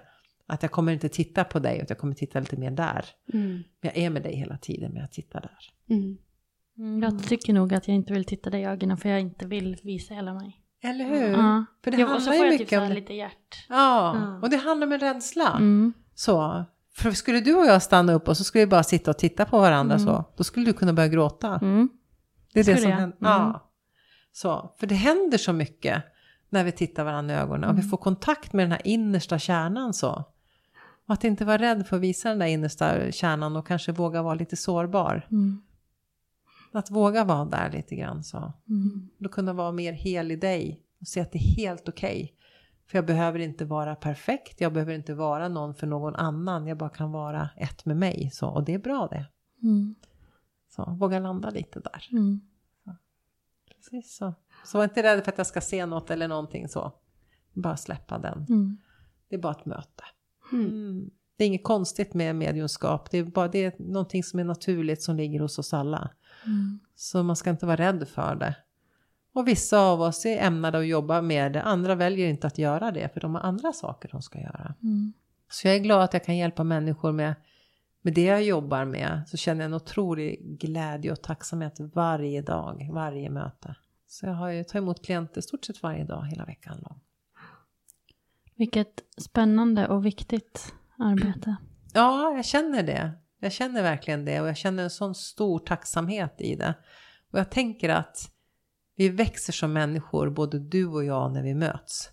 Så, så alla, alla mina möten som jag haft genom alla år, så oj vad det berikar mig. Precis som ert möte med mig här idag, Mm. så kan jag också växa. Så det sker inte bara åt ett håll, det sker åt båda hållen så, hela tiden. Mm. Och det är väl det som möten mellan människor är till för, att vi ska kunna hjälpa varandra att växa och utvecklas. Mm. Att våga mötas och våga bli sedda. Eh, våga bottna i vår sårbarhet och vår styrka och storhet också. Så. Tillsammans med någon annan. Och bli mer av oss själva liksom. Mm. Mm. Det är stort, Mm. det är det verkligen. Så det är en resa att vara med på när man går in i en medial utveckling. Då är det spännande, händer det mycket saker. Mm. Verkligen. Allting som du, som du har gått igenom i ditt liv får du gå igenom en gång till när du går in i en medial utvecklingsresa. Då öppnar du upp dörren och säger ja tack, det här vill jag. Och så får du möta dig själv på alla nivåer. Allt vad du har gått igenom, ångest, rädsla, allt vad som har varit, det kommer tillbaka. För att du ska kunna bli medveten, för att du ska kunna bli, se vad är det jag har missat, vad är det jag ska lära för någonting här. För att sen kunna släppa taget och kunna ta nästa steg så. Så det sker en otrolig läkning i det. Apropå det du frågar, kan alla också öppna upp och få, ja faktiskt. Men det, det kommer också med att du får utvecklas på alla de här, det kommer automatiskt till det. Mm. Så du får tillgång till hela dig.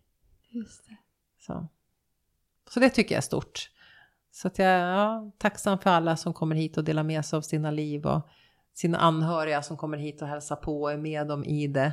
Eh, och kommer från andra sidan och förmedlar budskap. Och, och ibland kommer det någon som har frågetecken om någonting. eh, Ja, men, eh, som tycker att de ska ifrågasätta och sådär. Och det har tänkt ibland så här, nej jag ska nog inte ta den här sessionen så här. För jag, det finns ingenting att bevisa liksom i det så. Och när jag, jag hade ett speciellt ett sånt tillfälle som jag tänkte så här, nej, det där, nej, jag tror jag måste backa ut. För han sa, nej, det där kan vara vem som helst och nej, det kan vara, men jag får alltid din mamma, kan du förstå det här? Ja, det förstår jag, men det skulle kunna vara vem som helst. Ja, men hon säger så här och så här, kan du förstå det? Ja, jo, det förstår jag. Ja, men precis, ja, men bra. Och hon skulle vilja säga, nej, men det skulle kunna vara, tänkte jag så okej. okej. Vad är det du vill ha då, sa jag. Vad vill du ha av mig idag? Så hon har någonting hon vill säga till dig så, och du känner igen henne, men du kan inte ta emot det. Så vad skulle du vilja ha med dig då? Eh, nej, men jag skulle vilja att du tog fram någon person som du absolut inte visste eller som du eh, absolut inte skulle kunna ha så.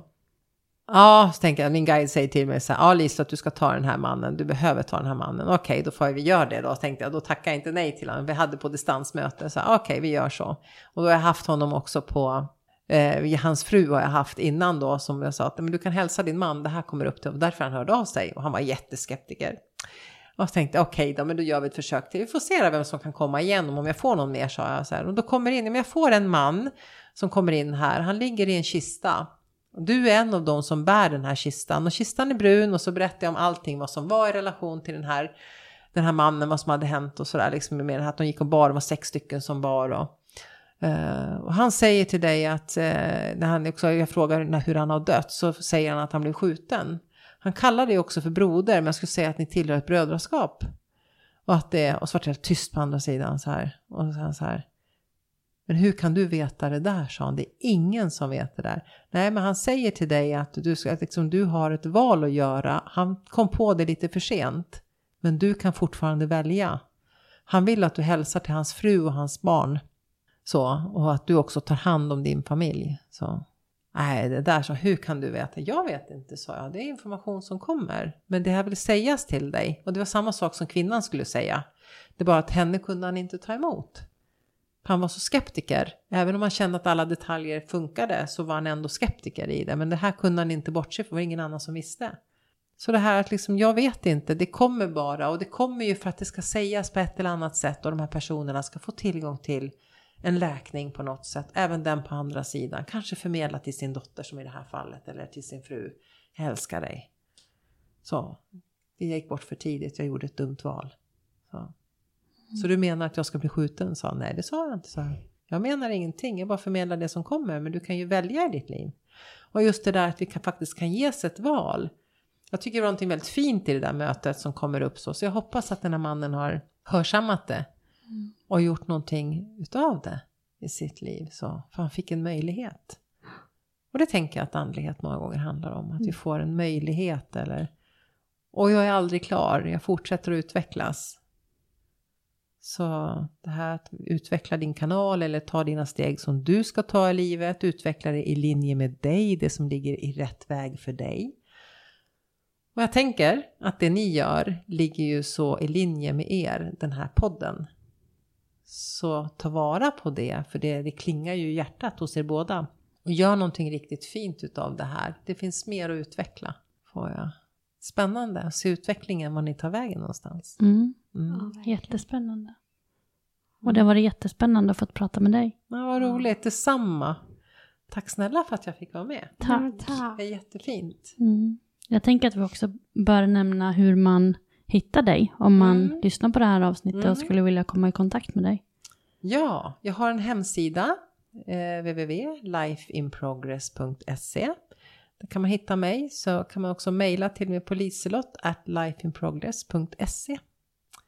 Så varmt välkomna. Mm. Ja. Tack så jättemycket för idag. Mm, tack så mycket själva, verkligen varmt tack från mig.